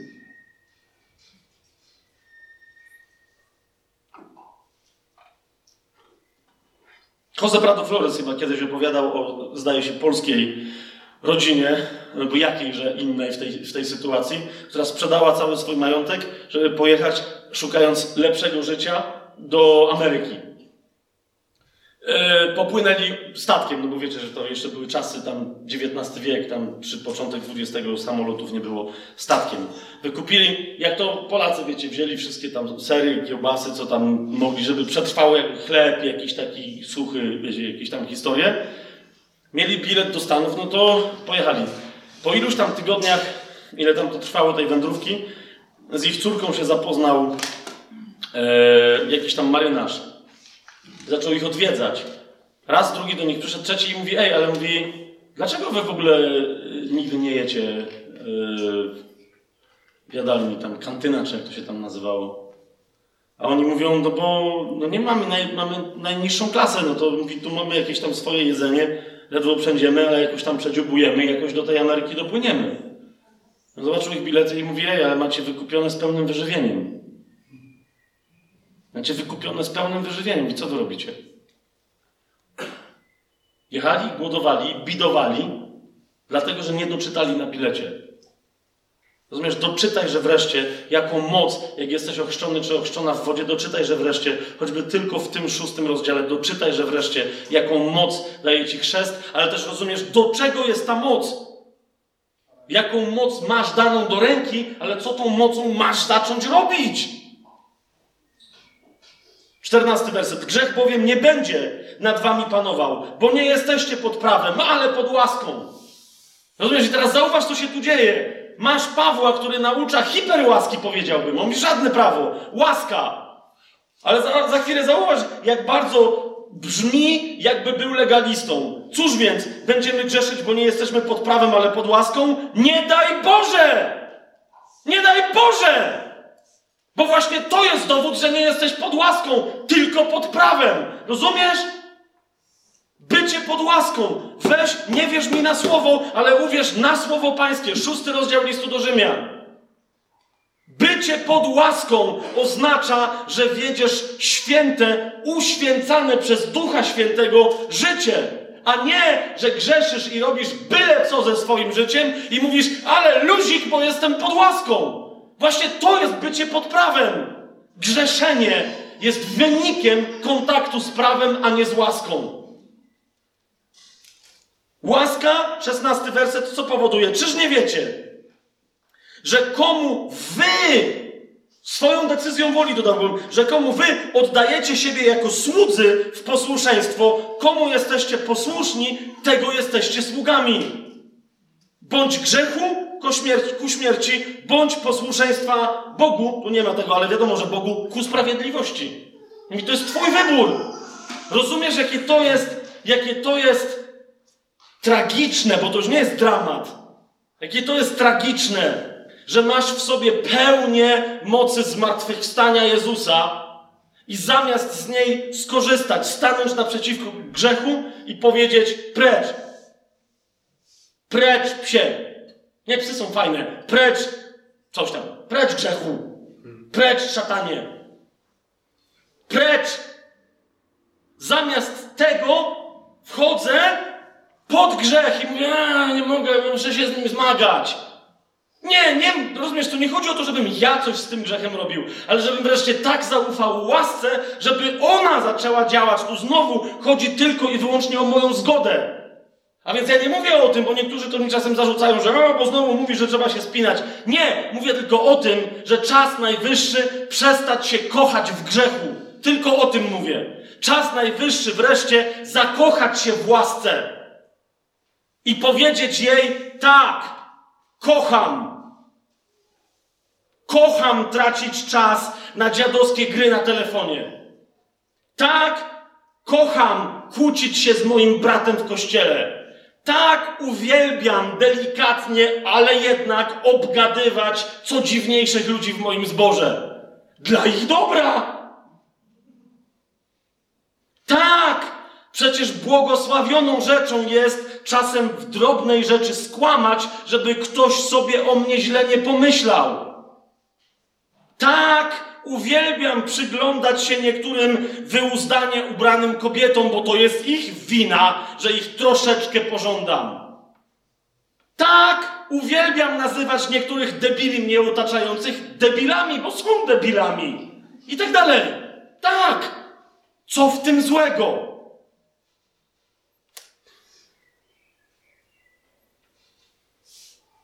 Po ludzku mówię, z powodu słabości waszego ciała, jak oddawaliście wasze członki na służbę nieczystości i nieprawości, aby czynić nieprawość. Pamiętacie, co powiedział Jezus?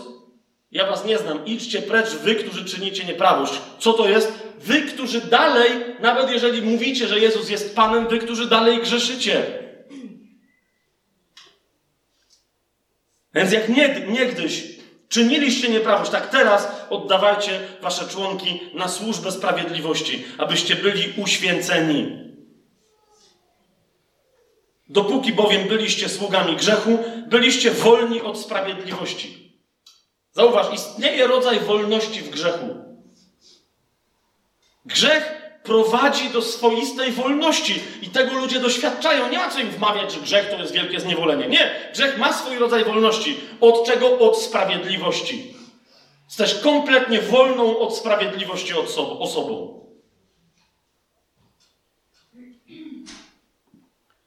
Ale jakiż wówczas mieliście pożytek z tych rzeczy, których się teraz wstydzicie? Ich bowiem końcem jest tylko śmierć. Lecz teraz uwolnieni od grzechu, gdy staliście się sługami Boga, macie swój pożytek ku uświęceniu, a na końcu życie wieczne. Zapłatą bowiem za grzech jest śmierć, ale darem łaski Boga jest życie wieczne w Jezusie Chrystusie, naszym Panu. Dla kogo? Dla tych, którzy wchodzą na drogę uświęcenia. Bo mogą dostać życie wieczne obok naszego Pana, obczajasz tę siarę i ten wstyd i ten smutek, jaki musi na mnie spać. Spać, że przecież wystarczyło tylko pozwolić łasce do mnie działać. Poprosić, Panie, daj mi łaskę, żebym zaczął się brzydzić grzechem. Tym, który Ty mi wskażesz, a nie który ja powiem, że jest grzechem. Albo nie, tym, który Ty mi wskażesz. Niektórzy powiedzą, o człowieku, ale to wiesz, to można kombinować i kombinować i kombinować. Myślisz, że, że myślisz, że że naprawdę objawienie grzechu, w którym my chrześcijanie żyjemy, że to jest jakieś trudne, że Duch Święty musi, wiesz, przychodzić do ciebie w ramach specjalnych, rozumiesz, rekolekcji, w odosobnieniu, w ciszy, po 16 dniach, 4 dniach głodówki, rozumiesz, 17 dniach Bożego Diabel, Danielowego postu. Serio? Chciałbym, żebyśmy teraz coś zrobili. Y, tych z Was, którzy się modlą w dół, nie, nie módlcie się na głos, ale chciałbym, żebyście, kiedy będę to czytać, jednocześnie słuchali i jednocześnie się modlili o Ducha Świętego. To jest najdziwniejsza rzecz, do jakiej kiedykolwiek, ale Duch Święty mi to pokazał, e, no ostatnio mi pokazał, że, że, że, że mamy to tu dzisiaj zrobić. Nie wiem, może to jest jednej osobie potrzebne, ale chciałbym to zrobić. Chciałbym zacytować nawet na tajemnym planie tego nigdy, nigdy nie było. Chciałbym zacyto, zacytować w jednym ciągu, naprawdę bez żadnego mojego komentarza, naprawdę, tylko i wyłącznie czytać tekst i skończę to nasze dzisiejsze spotkanie. Chciałbym zacytować trzy rozdziały naraz. Nie trzy wersety, ale trzy rozdziały. To będzie jakieś, nie wiem, 10-15 minut. Ale jak musisz się stroić, to ty to ty wiesz o co chodzi, to idź. Jeżeli chcecie, możecie sobie otworzyć e, to, co będę czytał, zaraz powiem co. Ja teraz będę czytać z tego, dlatego że tu mam więcej greki i będę lepiej pamiętał, chciałbym też wam przeczytać to tak, jak jest naprawdę napisane.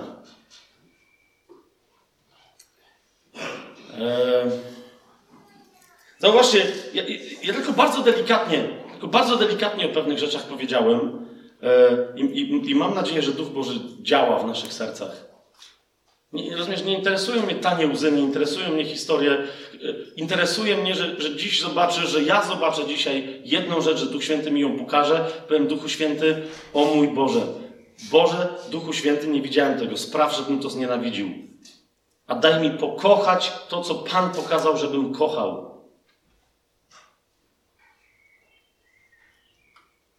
Dzisiaj jest, jest ogromna ilość nauczania na temat szczęścia kościele. Nie wiem, czy zauważyliście. Do osiągnięcia tutaj, jeszcze zanim pójdziemy do nieba, do nowej ziemi, gdzie tam kto, co myśli, że w Biblii jest napisane. Tu jeszcze, tutaj na tej ziemi. Jak Bóg chce nam pomóc, żebyśmy byli szczęśliwi?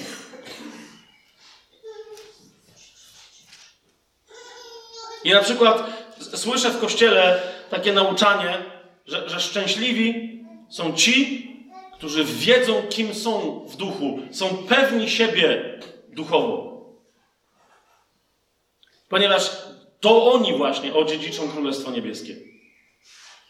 I, i słyszę, że, że szczęśliwi są ci, którzy osiągają takie wypełnienie w sobie, że, że, że wreszcie wiedzą, wiedzą, co znaczy radość, co znaczy satysfakcja, co znaczy dobre samopoczucie, właściwa wartość w sobie to, to, są, to są ci ludzie. Dlatego, że po prostu oni, to oni właśnie otrzymują pociechę od Ducha Świętego. I, i słyszę, że, że szczęśliwi są ci ludzie, którzy potrafią zdominować innych swoim darem, swoim obdarowaniem, swoją wiedzą, swoją służbą nawet. Potrafią ich tak zdominować, że się stają takimi sługami, że inni muszą im służyć, bo jest zaszczytem służyć takiemu słudze. Bo, bo oni dziedziczą ziemię, któż by inny. I tak dalej, i tak dalej. Słyszę, yy, rozumiecie, mając to, mając to na uwadze, posłuchajcie, będę czytać trzy rozdziały. Trzy. Piąty, szósty i siódmy rozdział Ewangelii Mateusza.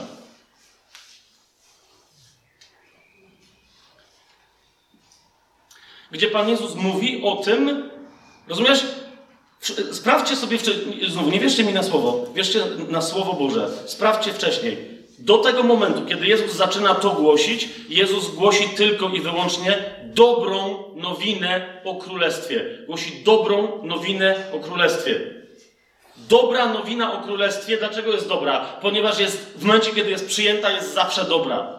Jezus mówi, że w momencie, kiedy przyjmiesz dobrą nowinę o królestwie, moc królestwa zacznie w tobie działać i będziesz osobą szczęśliwą. I potwierdza to po siedemkroć, a potem jeszcze raz. Mówi, kto będzie szczęśliwy. I, i potem to, to, co chcę wam przeczytać, to jest tak zwane kazanie na górze. Ale to nie jest zauważcie, Jezus widząc tłumy wszedł na górę, a kiedy usiadł, podeszli do Niego Jego uczniowie. Tam były całe tłumy, ale podeszli uczniowie, którzy chcieli jeszcze więcej od Jezusa. I Jezus otworzył swoje usta i uczył ich, mówiąc. To znaczy, że stanowczo podkreślał, a, a dodatkowo tu jest jeszcze powiedziane, że, że uczył ich, jakby tam jest, tam jest imperfekt. To znaczy, że on ich tak w ogóle uczył, w kółko. Rozumiesz? To, co myślę, że Jezus wielokrotnie to kazanie, zauważ jakie, to kazanie, te treści powtarzał w kółko i w kółko i w kółko. Niechże do was dotrze. Mówi, że to jest droga, uważaj, dzięki której nie dostaniesz kiedyś nagrodę w jakimś wyimaginowanym niebie, ale naprawdę tu, dzięki tej mocy, łaski mojej, która w tobie działa, tu, rozumiesz, jak pójdziesz tą drogą, zaczniesz przestrzegać tego, co ci tutaj mówię, staniesz się szczęśliwy. Słowo makarios, my mamy tłumaczenie błogosławieni, błogosławieni tacy, błogosławieni śmacy i tak dalej. E, to jest dobre tłumaczenie, ale dla starego języka polskiego. Tak? błogosławieni to są ludzie, którzy są, e, którzy są wywyższeni w błogostanie. Tak? Czyli, czyli po prostu szczęśliwi ponad miarę. Zachwyceni swoim szczęściem. To są błogosławieni. Ja to będę, pozwólcie, że będę tłumaczyć jako szczęśliwi. Może tak być? Przy okazji, patrząc na swoje tłumaczenia, może się zdziwicie w niektórych momentach, ale jeszcze raz potem, jak ktoś będzie wątpił, to może do mnie podejść i, i, możemy sprawdzić poszczególne słowa. Zrobię wszystko, żeby wam przeczytać ten tekst dokładnie tak, jak sądzę, że brzmi po grecku, a więc w oryginale natchnionym, a nie w naszych spłaszczonych tłumaczeniach przez no, wielu tłumaczy, którzy żyli w takiej kulturze kościelnej, która bała się konfrontacji wynikającej z dobrej nowiny o Królestwie. Kochana siostro, kochany bracie, teraz zaczynam czytać. Jeżeli znajdziesz chociaż jeden moment, w którym powiesz: Wow, to już mam w swoim życiu, to mnie cieszy, jesteś pobłogosławiona i jesteś pobłogosławiony. Ale jeżeli się okaże, że dojadę aż do samego końca i w zasadzie okaże się, że w ogóle, mając moc, żeby żyć jak król, jako obywatel królestwa, że w zasadzie nie korzystasz z tej, z tej mocy na bazie ani jednego wersetu tutaj, niczym się nie przejmuj. Ale przyjdź tutaj później z tymi, którzy będą chcieli, będziemy się modlić o to. Żeby wreszcie doszło do autentycznego, jak w życiu Szymona Piotra, nawrócenia w naszym życiu. Jezus nie żartuje w tym miejscu. Jak on powie, na końcu tej Ewangelii powiedział, uczcie ich tego przestrzegać. To to jest tylko malutki margines, centralny, ale jednak, rozumiesz, cała Ewangelia Mateusza ma prawie 30 rozdziałów. Ja przeczytam tylko trzy. Jedną dziesiątą z tego wszystkiego. A gdzie reszta? To jest to, to jest dokładnie to. O czym Jezus mówi, uczcie ich tego przestrzegać. Wy tego przestrzegajcie, a zobaczycie, Zobaczycie nie tylko, jak wy będziecie szczęśliwi, ale z jaką mocą będzie przez was przechodzić moja moc, bo dana mi jest wszelka władza na niebie i na ziemi. Duchu Święty, jeszcze Ciebie teraz proszę. Yy, proszę Cię, Duchu Święty, żebyś wyłączył, żebyś wyłączył na naszą cielesność teraz, na, chociaż na czas tego słuchania. Żebyś tak, jak to jest możliwe, ducha każdej i każdego z nas pobudził teraz. Żebyśmy słuchając tego tekstu, słuchali samego Jezusa, który nam przekazuje, jak chce, żebyśmy byli Jego reprezentantami, reprezentantami Jego Królestwa tu na ziemi i jaki jest przepis na bycie szczęśliwym według tej łaski, która działa przez moc Jego śmierci i Jego zmartwychwstania.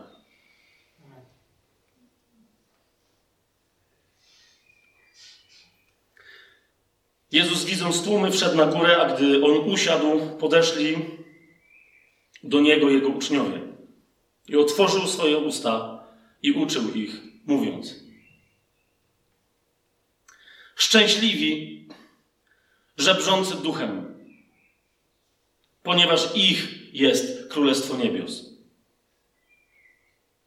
Szczęśliwi, którzy zawodzą w pełnym cierpienia bólu, gdyż oni zostaną pocieszeni.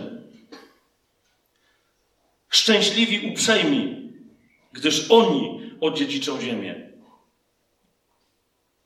Szczęśliwi, który, a, którzy aż głód cierpią i którzy pragną sprawiedliwości, gdyż oni, oni zostaną nasyceni.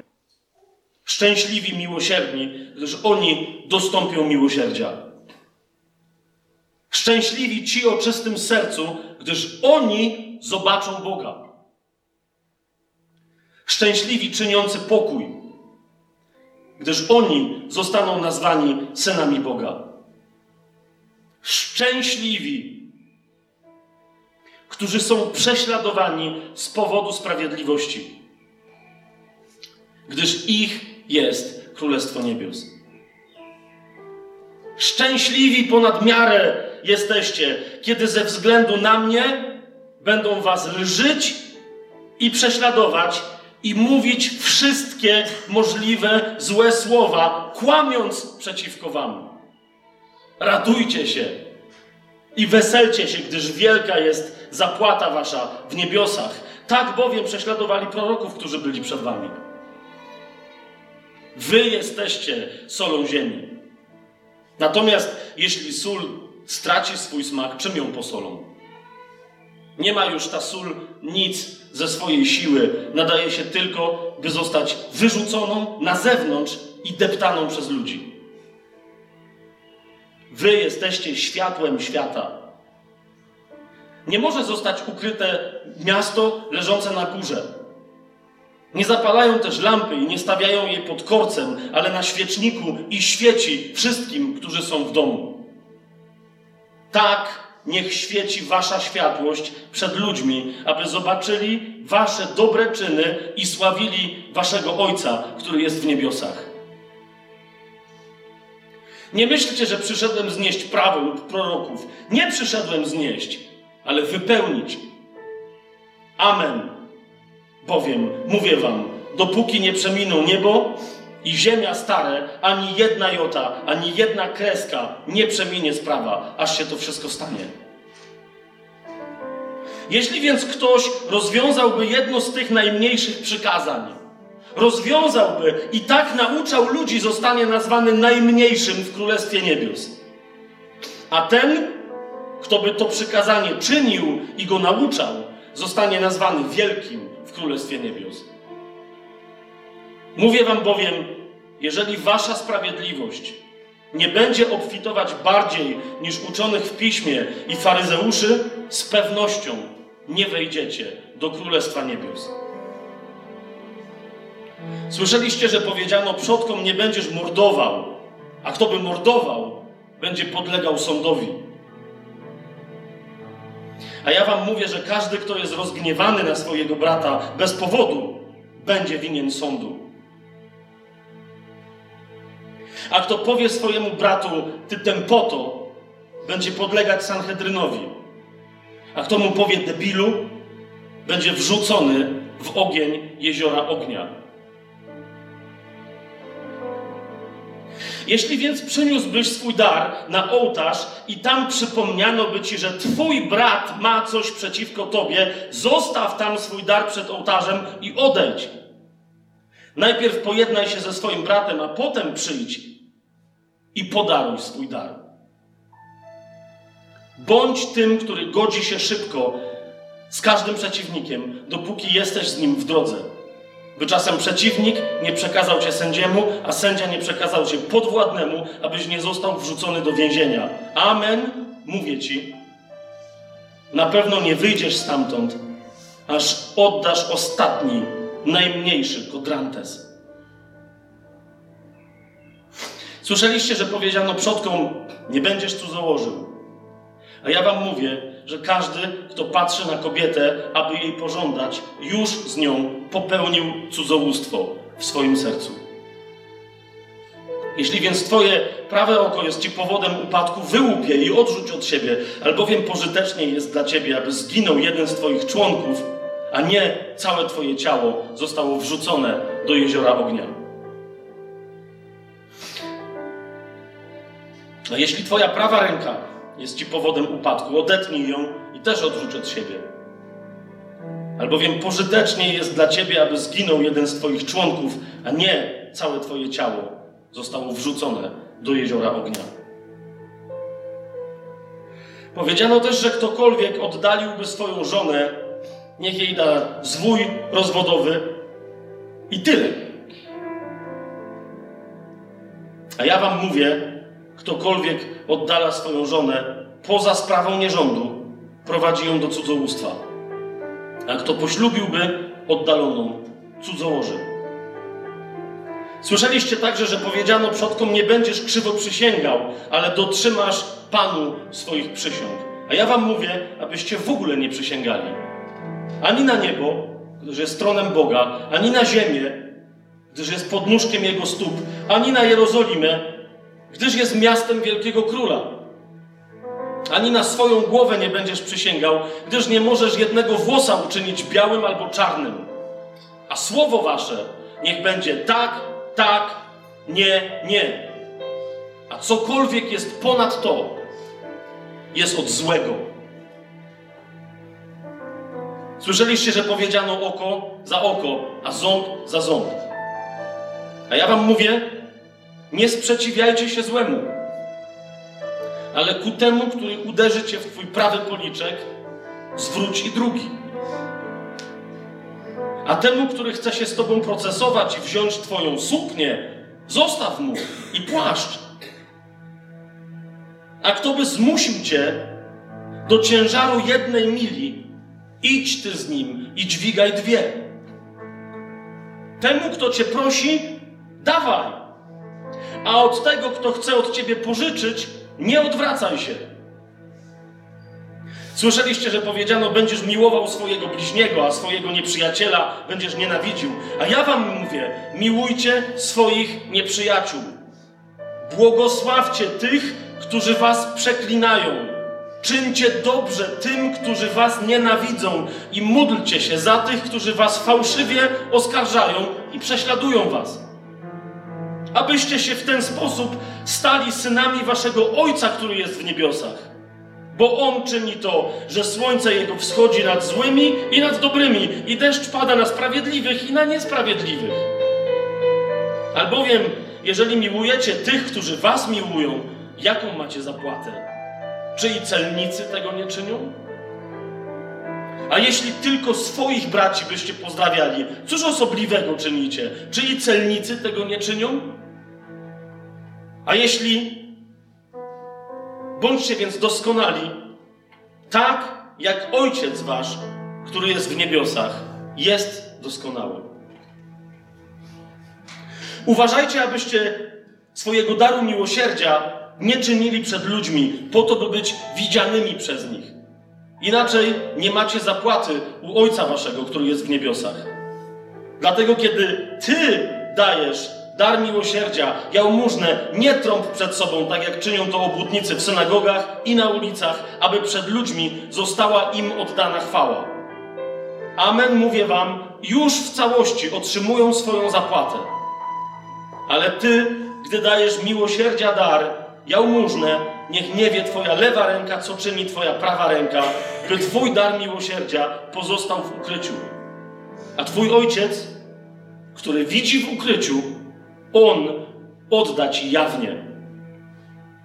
A gdy się modlisz, nie bądź jak obłudnicy, gdyż oni lubią stać i modlić się w synagogach i na rogach placów, aby ludzie ich widzieli.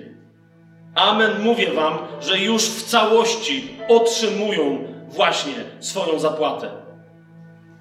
Ale ty, gdy się modlisz, wejdź do swojej bezokiennej komórki i zamknij swoje drzwi Módl się do Ojca Twojego, który jest w ukryciu, a Ojciec Twój, który widzi w ukryciu, odda Ci jawnie. Modląc się natomiast, nie paplajcie jak poganie, albowiem wydaje się im, że w swojej wielomówności zostaną wysłuchani. Nie bądźcie do nich podobni, gdyż Ojciec Wasz wie, czego potrzebujecie, zanim Go poprosicie. Wy się więc módlcie tak. Ojcze nasz w niebiosach, Niech Twoje imię zostanie uświęcone. Niech przyjdzie Twoje królestwo. Niech się stanie Twoja wola, jak w niebie, tak i na ziemi. Chleba naszego codziennego daj nam i dzisiaj i odpuść nam nasze winy, jak i my odpuszczamy tym, którzy są wobec nas winni. I nie daj nam podlegać pokusie, ale uratuj nas od złego, gdyż Twoje jest królestwo i moc i chwała na wieki. Amen. Bo jeśli odpuścicie ludziom ich upadki, i wam odpuści Ojciec Wasz niebieski. Ale jeśli nie odpuścicie ludziom ich upadków, także Ojciec Wasz nie odpuści wam waszych upadków. A gdy pościcie, nie stawajcie się smutni, tak jak obłudnicy. Wykrzywiają bowiem swoje twarze, aby ludzie widzieli, że poszczą. Amen, mówię wam, już otrzymują całą swoją zapłatę. Ale ty, gdy pościsz, namaść swoją głowę i umyj swoją twarz, abyś nie był widziany przez ludzi, że pościsz, ale przez Ojca Twojego, który jest w ukryciu. A Ojciec Twój, który widzi w ukryciu, odda Ci jawnie. Nie gromadźcie sobie skarbów na ziemi, gdzie mól i rdza niszczą i gdzie złodzieje przekopują ściany i kradną ale gromadźcie sobie skarby w niebie, gdzie ani mól, ani rdzanie niszczy i gdzie złodzieje nie przekopują ścian i nie mogą ukraść. Albowiem gdzie jest wasz skarb, tam będzie i wasze serce. Lampą ciała jest oko. Jeśli więc twoje oko jest prosto, całe twoje ciało będzie jasne. Jeżeli natomiast twoje oko jest skąpo złe, całe twoje ciało będzie ciemne. Jeśli więc światłość, która jest w tobie, okaże się ciemnością, to sama ta ciemność jakąż wielką będzie. Nikt nie może dwom panom służyć. Jednego bowiem znienawidzi, a drugiego będzie miłował, albo do jednego przylgnie, a drugim pogardzi. Nie możecie służyć Bogu i mamonie. Dlatego mówię wam, nie martwcie się o swoją duszę, co będziecie jedli albo co będziecie pili, ani o swoje ciało, w co będziecie się ubierać. Czyż dusza nie jest czymś więcej niż pokarm, a ciało czymś więcej niż ubranie? Przypatrzcie się ptakom na niebie, że nie sieją, ani nie żną, ani nie zbierają do spichlerzy, a Ojciec Wasz Niebieski je żywi. Czy Wy nie jesteście o wiele, wiele ważniejsi od nich? A kto z Was, martwiąc się, może dodać do swojego wzrostu choćby jeden łokieć? A o ubranie, dlaczego się martwicie? Zwróćcie uwagę na lilie polne, jak rosną. Nie pracują, ani nie przędą. A mówię wam, że nawet Salomon w całej swojej chwale nigdy nie ubrał się jak jedna z nich. Jeżeli więc trawę polną, która jest dziś, a jutro zostanie wrzucona do pieca, Bóg tak ubiera, czy nie o wiele bardziej was, ludzie małej wiary? Nie martwcie się więc, mówiąc, co będziemy jedli, albo co będziemy pili, albo w co się ubierzemy, bo tego wszystkiego szukają poganie. A wie Ojciec Wasz Niebieski, że tego wszystkiego potrzebujecie. Tak więc szukajcie najpierw Królestwa Bożego i Jego sprawiedliwości, a to wszystko, wszystko zostanie Wam dodane. Nie martwcie się więc o jutro, albowiem jutro martwić się będzie o siebie. Wystarczy dniowi jego nędza. Nie sądźcie, abyście nie zostali osądzeni. Albowiem zawsze, jakim sądem sądzicie, takim na pewno zostaniecie osądzeni. I jaką miarą mierzycie, taką wam w zamian na pewno odmierzą. A czemu widzisz drzazgę w oku swojego brata, a nie dostrzegasz belki w swoim oku? Albo jak możesz powiedzieć swojemu bratu, pozwól, że wyrwę drzazgę z twojego oka, a oto belka jest w twoim oku. Hipokryto, wyrwij wpierw belkę ze swojego oka, a wtedy przejrzysz, by wyrwać drzazgę z oka swojego brata. Nie dawajcież psom tego, co jest święte i nie rzucajcie swoich pereł przed świnie, aby ich czasem nie podeptały swoimi nogami, a następnie nie obróciły się i was nie rozszarpały. Proście, a zostanie wam dane. Szukajcie, a znajdziecie. Pukajcie, a zostanie wam otwarte. Każdy bowiem proszący otrzymuje, a szukający znajduje, a temu, co puka, zostanie otwarte. Albo kto z Was jest takim człowiekiem, który gdy syn prosiłby go o chleb, to ten by mu podał kamień? Albo kiedy prosiłby o rybę, czy poda mu węża? Jeżeli więc wy, będąc złymi, wiecie, jak dawać dobre dary waszym dzieciom, o ile bardziej Ojciec wasz, który jest w niebiosach, da to, co dobre tym, którzy go proszą. Tylko wszystko, cokolwiek byście chcieli, aby wam ludzie czynili, to i wy im czyńcie. Takie jest bowiem prawo i prorocy. Wchodźcie przez ciasną bramę, bo szeroka jest brama i przestronna droga, która prowadzi do zguby, i wielu jest takich, którzy tamtędy chodzą. Gdyż ciasna jest brama i wąska droga, która prowadzi do życia a bardzo mało jest takich, którzy ją naprawdę znajdują. Zważcie na fałszywych proroków, którzy przychodzą do was w owczej skórze, ale wewnątrz są drapieżnymi wilkami. Po ich owocach poznacie ich. Czy zbierają winogrona z cierni, albo czy figi zbierają z ostu? Otóż każde dobre drzewo przynosi dobre owoce, a spróchniałe drzewo przynosi złe owoce. Nie może dobre drzewo przynosić złych owoców, ani spruchłe drzewo przynosić owoców dobrych. Każde drzewo, które nie przynosi dobrego owocu, jest wycinane i wrzucone w ogień. Zatem naprawdę po ich owocach poznacie ich. Nie każdy, kto do mnie mówi, Panie, Panie, wejdzie do Królestwa Niebios, lecz ten, kto czyni wolę mojego Ojca, który jest w niebiosach. Wielu powie mi tego dnia, Panie, Panie, czy w Twoim imieniu nie prorokowaliśmy? I w Twoim imieniu nie wypędzaliśmy demonów? I w Twoim imieniu nie czyniliśmy wielu cudownych dzieł mocy? A wtedy wyznam im, ponieważ nigdy Was nie poznałem, odejdźcie ode mnie, Wy, którzy czynicie bezprawie. Każdy więc, kto słucha tych moich słów i czyni je, będzie podobny do męża rozsądnego, który zbudował swój dom na skale. I spadł gwałtowny deszcz, i wezbrały rzeki, i zawiały wiatry, i uderzyły w ten dom, i nie runął, bo miał założony fundament na skale. A każdy, kto słucha tych moich słów, ale nie czyni ich, będzie podobny do męża głupiego, który zbudował swój dom na piasku i spadł gwałtowny deszcz i wezbrały rzeki i zawiały wiatry i uderzyły w ten dom i runął. A upadek jego był wielki.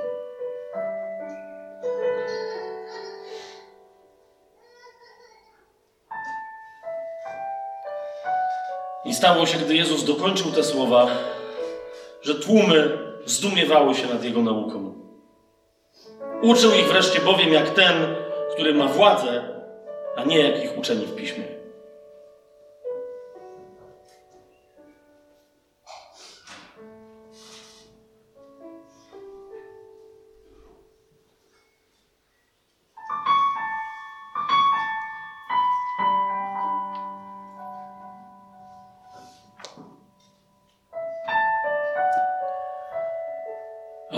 Ty wiele, wielokrotnie słyszałeś z ust wielu tych, którzy dzisiaj tutaj znajdują się na tej sali. Wielu.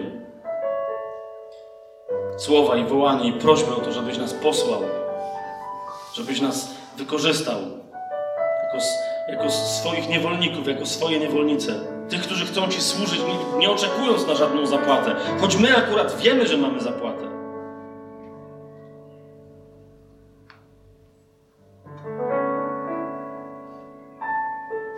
Wiele się modliliśmy, Panie, i jest wiele osób tutaj na tej sali, które wiele, wiele, wiele dni, tygodni, miesięcy przepuściły.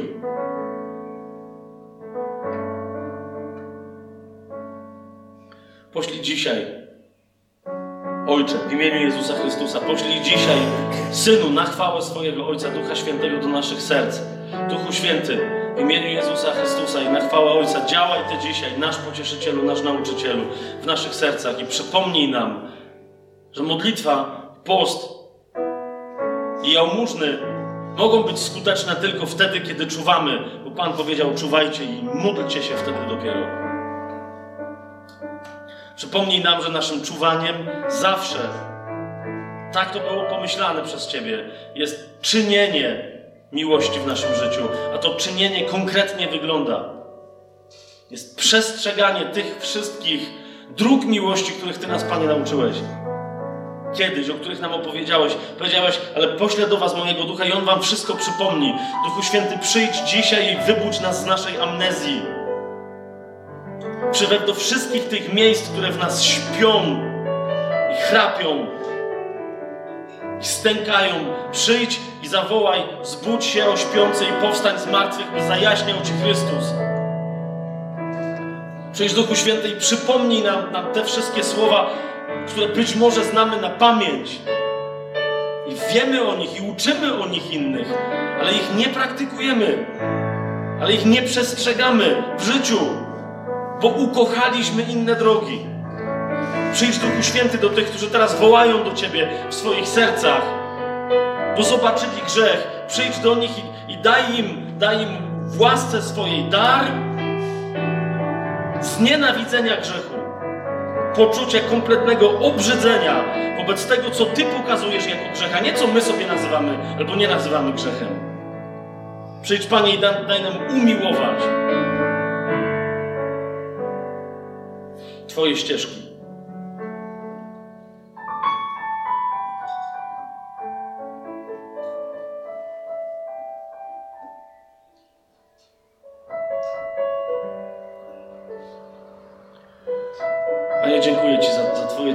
Nas. Dziękuję Ci za moje siostry i moich braci tutaj dzisiaj zebranych.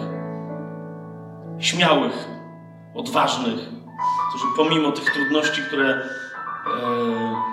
próbował spiętrzać dzisiaj przed naszymi duchami, przed naszymi duchami, w naszych ciałach próbował, przed naszymi ciałami próbował spiętrzać zły duch z daleka ostrzeliwując nas rozpalonymi pociskami.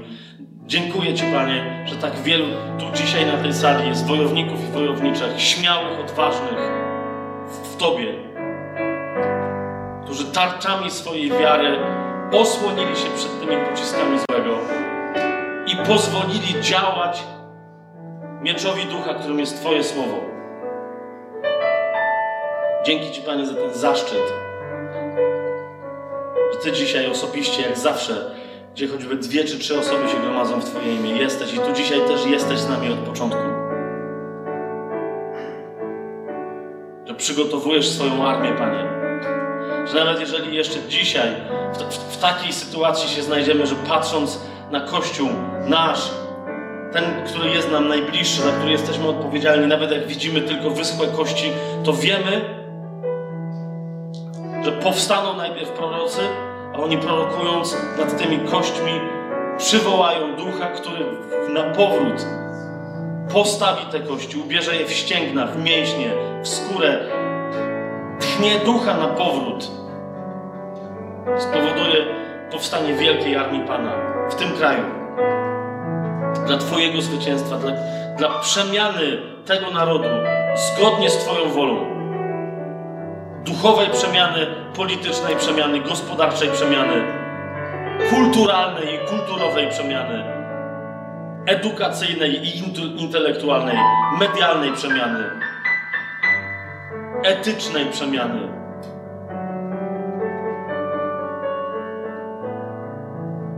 Dzięki Ci, Panie, za to, co dla nas być może teraz wydaje się być nieznaczącym momentem.